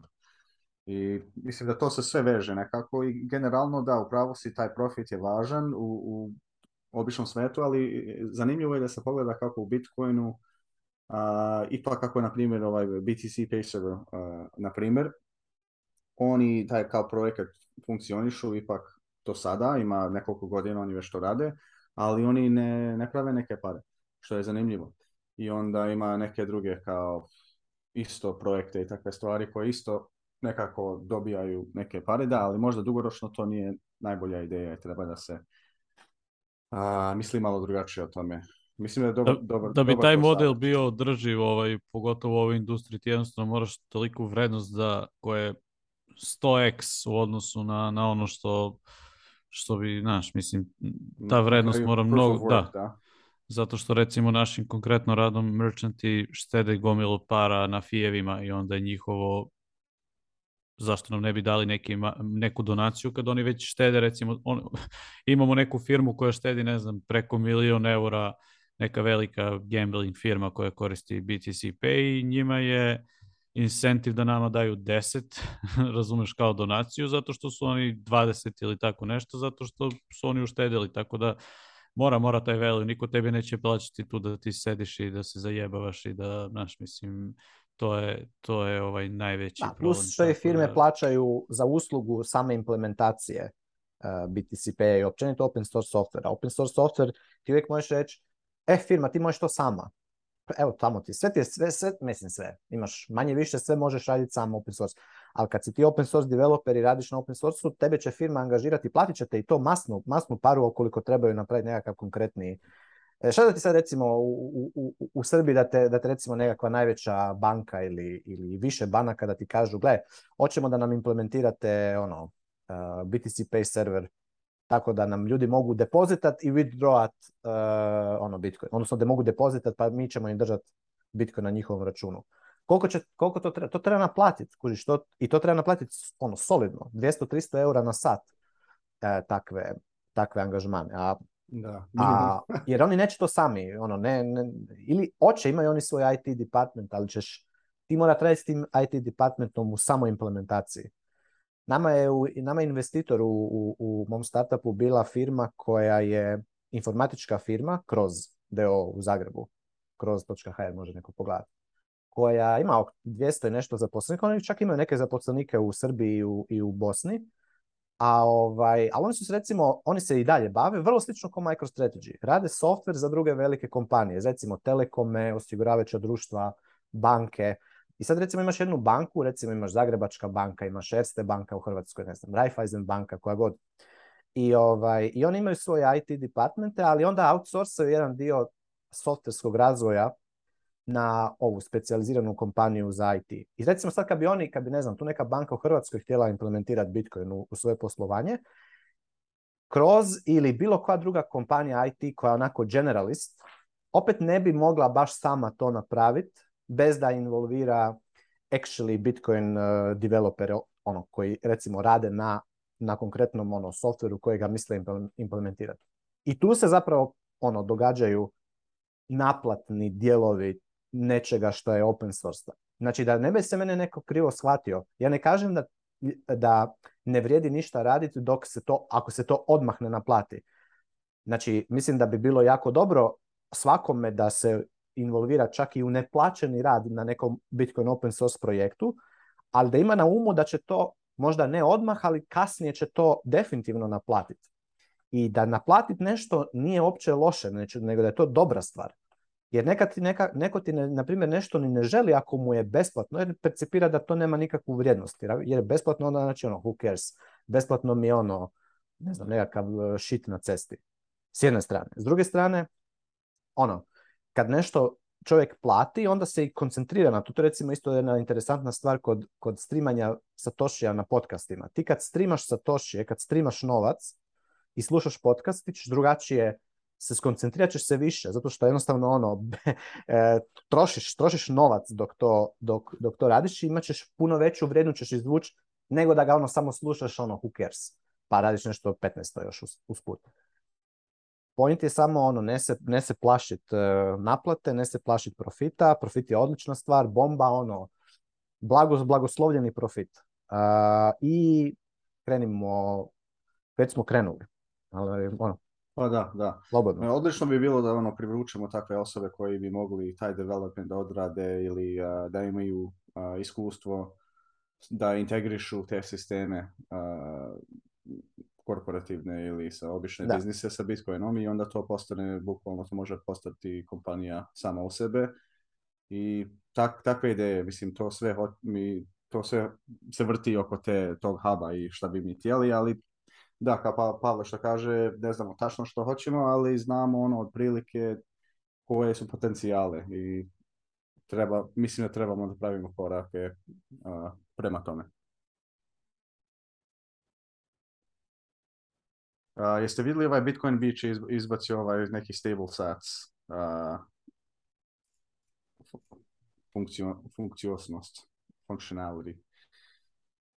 A, nisam baš, nikad nisam koristio taj novčanik, to je nekako, čini mi se... A mislim da smo imali već ovu vijest. Jeste A ovo je već? super s time da mislim da oni rade u backendu, imaju uh, poveznicu sa nekom, nekom mjenjačnicom koja ima e, taj derivativ uh, sets per dollar koji se zapravo se mijenja, mijenja se tu, ono, s obzirom na tečaj, tečaj Bitcoin dolar, ti se mijenja broj satoshija kojega imaš. Tako da uvijek imaš u biti ekvivalent dolara. Ne? Držiš recimo 100 dolara, ali držiš ne u dolarima, nego držiš u, u Bitcoinu. Samo što recimo jedan dan je, ne znam, e, ako je Bitcoin napao 10%, ne, imaš 10% manje Satoshi, a i obrnuto, ako je pao, onda imaš 10% više. Tako da se Satoshi balance mijenja, a dolar ostaje Dolar fiksan. ostaje. Moram malo više da pročitam kako to radi, zanimljivo. Ima, vidim da ima više i više sve ovakve volete i takve stvari a, koje, su, koje rade na neke različite načine, ali ipak ono da, da, da naprave nekako bukvalno stable, uh, yep. stable coin ili nešto tako. To će, mislim, biti važno za ove više siro, siromašnije uh, populacije da, da mogu da trpe volatilnost um, i onda isto vrijeme kad Bitcoin skoči gore u cijeni da, da se osjećaju loše, da nisu uložili u Bitcoin. Ili kad padne da se osjećaju bolje. Pavle, vidim da si ubacio šta je ovo iz... Možda još, ovo, još ovu temu doradimo da i onda da, da, da završimo. Ne znam da, dosta smo danas pokrili, mislim, sada će, da, biće, biće pa, ovo previše. Puno se dešava ovih dana, moram, moram da kažem. Ne znam gdje si ovo našao, Pavle. Ovo je kao ubik.hr. Pa, to, je, to je Pavao pričao o udruženju, pa sam to samo bacio čisto dosta neka kao ideja. Ali dupo, Aha. Pa to sam ja Bražu na Telegramu pustio, pa on mislio da sam ja to za podcast, ali sam samo bacio link čisto da vidi kako to udruženje radi. A, ništa, pričali smo, ovaj, ajde malo o ovim bitcoinima, alatima i projektima, kako napreduju, to ćemo moći možda brzo za jedno 5-6 minuta i onda mislim da bi to bilo to za danas, svak, Bož. ubili smo svakako dosta. Ovaj, ne znam da li ste videli ove NFC Laser Eyes kartice za plaćanje bitcoinom, znači Već smo pričali par puta o NFC karticama i kako... kako ovaj, Ovo da, Kako njima može da se plaća Bitcoinom, ovaj, neko je to integrisao i evo sad je neko dodao ovaj e, malo kultivistički laser eyes, ali interesantno kako se, kako se neko setio da taj NFC može da da taj kontakt i da se te... I šta su to neke LED diodice na kartici, ja? Pa da, da, mislim da da. Odlično. Zanimljivo. Svakako se neko dobro setio. Ovaj, to sam brzo samo htio, to zanimljivo je mim, više je mim nego što je, ali dobro, eto kompanija zapravo koja, koja pravi te Laser Eyes kartice, tako da možete dobiti Moja, ja ovo sebi naručujem. E, personalizovano, bukvalno. ovo je odlična stvar, to meni treba. Hoćeš svoju ovaj neku sliku, ovaj Laser Eyes, pa da. može nešto... Tako da kad skeniram da mi ono zabljesne. Može, ja, ovakve stvari su super, pogotovo za no-coinere i za ono, normis. One, pokažeš im nešto tako i oni su ono, wow, šta je ovo? I ljudi općenito vole kad nešto svjetluca i blješti i, i fleša i tako, tako da, znaš, trebamo to, ovaj, trebamo to malo više implementirati u, ono, u marketing Bitcoina, ne? ne treba biti, treba, pokaži light, ne? Blingi. Da, zanimljiv biznis da, model. Da. Ovaj, mislim, lepo su se setili ljudi, bit će interesantno, verovatno, ovim. Uh, da, ovaj da. NFC, uh, NFC uh, i Bitcoin počinju, baš ima dosta ovih nekih proizvoda koje počeli su da NFC koriste ili za multisig ili za uh, ovakvoj situaciji da se koristi na Lightning ili znači razne, razne koriste, što je dobro. Ja mislim da to puno olakša ovaj, UI experience, ovaj, UI ono... Ajme, da kako ću naručiti ovog Honey Badgera je...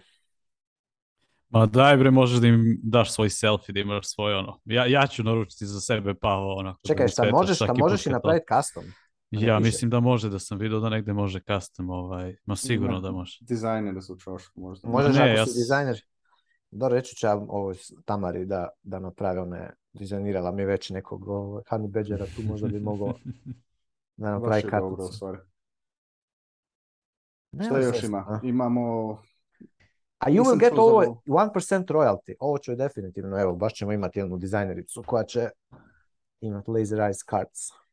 A, imaju Q&A team, kao QC team, znači ako nije dobro, dosta dobra slika, oni će da je... Laser eyes till fiat dies. Thumbs up. to. Hoćeš znači, dvije o... Ovaj- karte kupiti. Šta imamo još? Imamo, ajde ovo brzo, samo nećemo baš ići kroz report. River je objavio interesantan izveštaj. Oni su četvrta najveća Lightning um, node na mreži, pa ovako malo neke njihove iskustva, malo statistike, uh, ko je malo više uh, zainteresovan za Lightning i hoće da vidi otprilike koliko oni fijeva otprilike zarađuju, kako je ta njihova routing e, aktivnost e, i još par nekih stvari, neki izazovi sa kojima se oni susreću i kako ih rešavaju. Nije loše, to ko je malo više za Lightning, nije baš za svakoga, ali ovaj, interesantno stavit ćemo kao i sve ove stvari u linku podcast notesu, pa ćete moći da, da iščitate ko hoće. Da, Osim toga, ovo, braš, da, Izvoli, izvini. Sorry, da, samo sam ćeo reći da su četvrti najveći node na, na mreži Lightning, Lightning node. Oni su super, sjećam se, oni su među prvima počeli ovaj, sa Lightning de, deposit i withdrawal i fokusirani su samo na, na Bitcoin i, i, i odlični su. Neka rade samo. Lijepo je, vidi. Dobar, jo, dobar pogledajte ovo, ko, ko, mozak, pazite ovo. Pa mi smo ono ko brainovi, svaki nod je ono ko neuron u, u, u mozgu. Dobar amazing, amazing. Pa da će država nešto. I onda da onaj metod počne plakati. E, države, da, da. Vidi Ajmo dalje.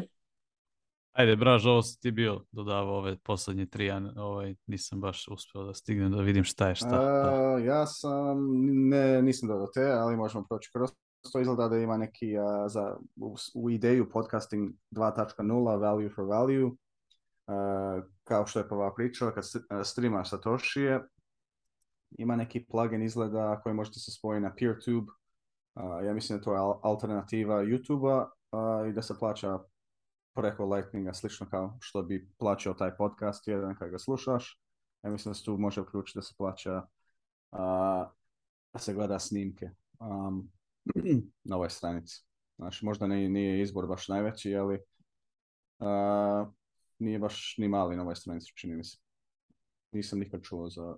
Znam da ima Rumble i nekoliko tih opcija. Možda to i njima zanima ova implementacija. Bilo bi dobro da to stave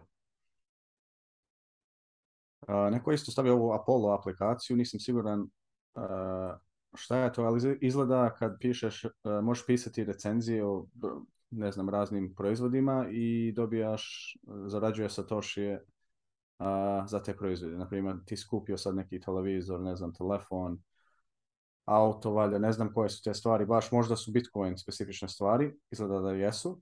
Um, I do, dobijaš ono, Eh, bukvalno zarađuje se toši. Ja mislim da je to dobra stvar, zato ovi ljudi koji prave ove razne volete i takve stvari, ja znam da puno im znači kad ljudi uh, ono, stavljaju recenzije i detaljno im opisuju uh, kakve probleme imaju, da li imaju probleme, uh, kako im je iskustvo, zato to, taj feedback je vrlo važan. Ja znam da u BTC Paceru bar oni dosta vole kad ljudi jave njima kak, kako im iskustvo i da li imaju ikakav ono i što da kažu, da dodaju, da šta misle o tome i, i oni skupe sve te ideje i vide kako ljudi to koriste i onda u neki budući update uh, nekako se integriše ta informacija i ovo izgleda kao neki market za to ili ne znam odakle dobijaju se tošije ali izgleda da možeš napisati recenziju za obične te Bitcoin proizvode, volate,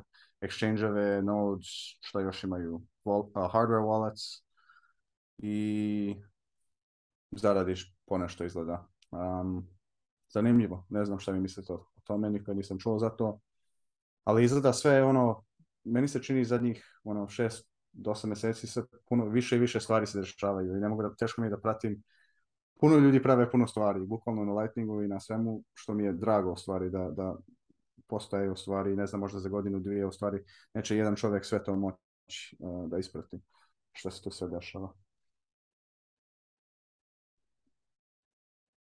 Dobro, interesantan model, da. Ovaj, tako da, nemam nešto da, tu mnogo da li je da profit, profitabilan, to je, to je pitanje, ja? Vidjet ćemo, što da. Kaže, što kaže Pavel, da. Uh, I ima isto jedan tutorial ovde, Ben Arku radio, znači on se baš nekih e, zanimljivih uh, fizičkih stvari pravi na Bitcoinu, na primjer napravio uh, neki offline payment, POS, gdje može da se plaća preko, preko Lightninga bez interneta. I sad je pokazao ima neki na YouTube tutorial jednostavan kako se to konfiguriše bukvalno i da se koristi. Um, znači, ja mislim za hub to bi bila odlična stvar da, da, da se igramo sa tim. Um, I ako pogledate njegov Twitter, stavit ćemo link, baš on dosta zanimljivih stvari uh, radi na, na, na, baš neke zanimljive stvari. Pogotovo taj fizički uh, hardware.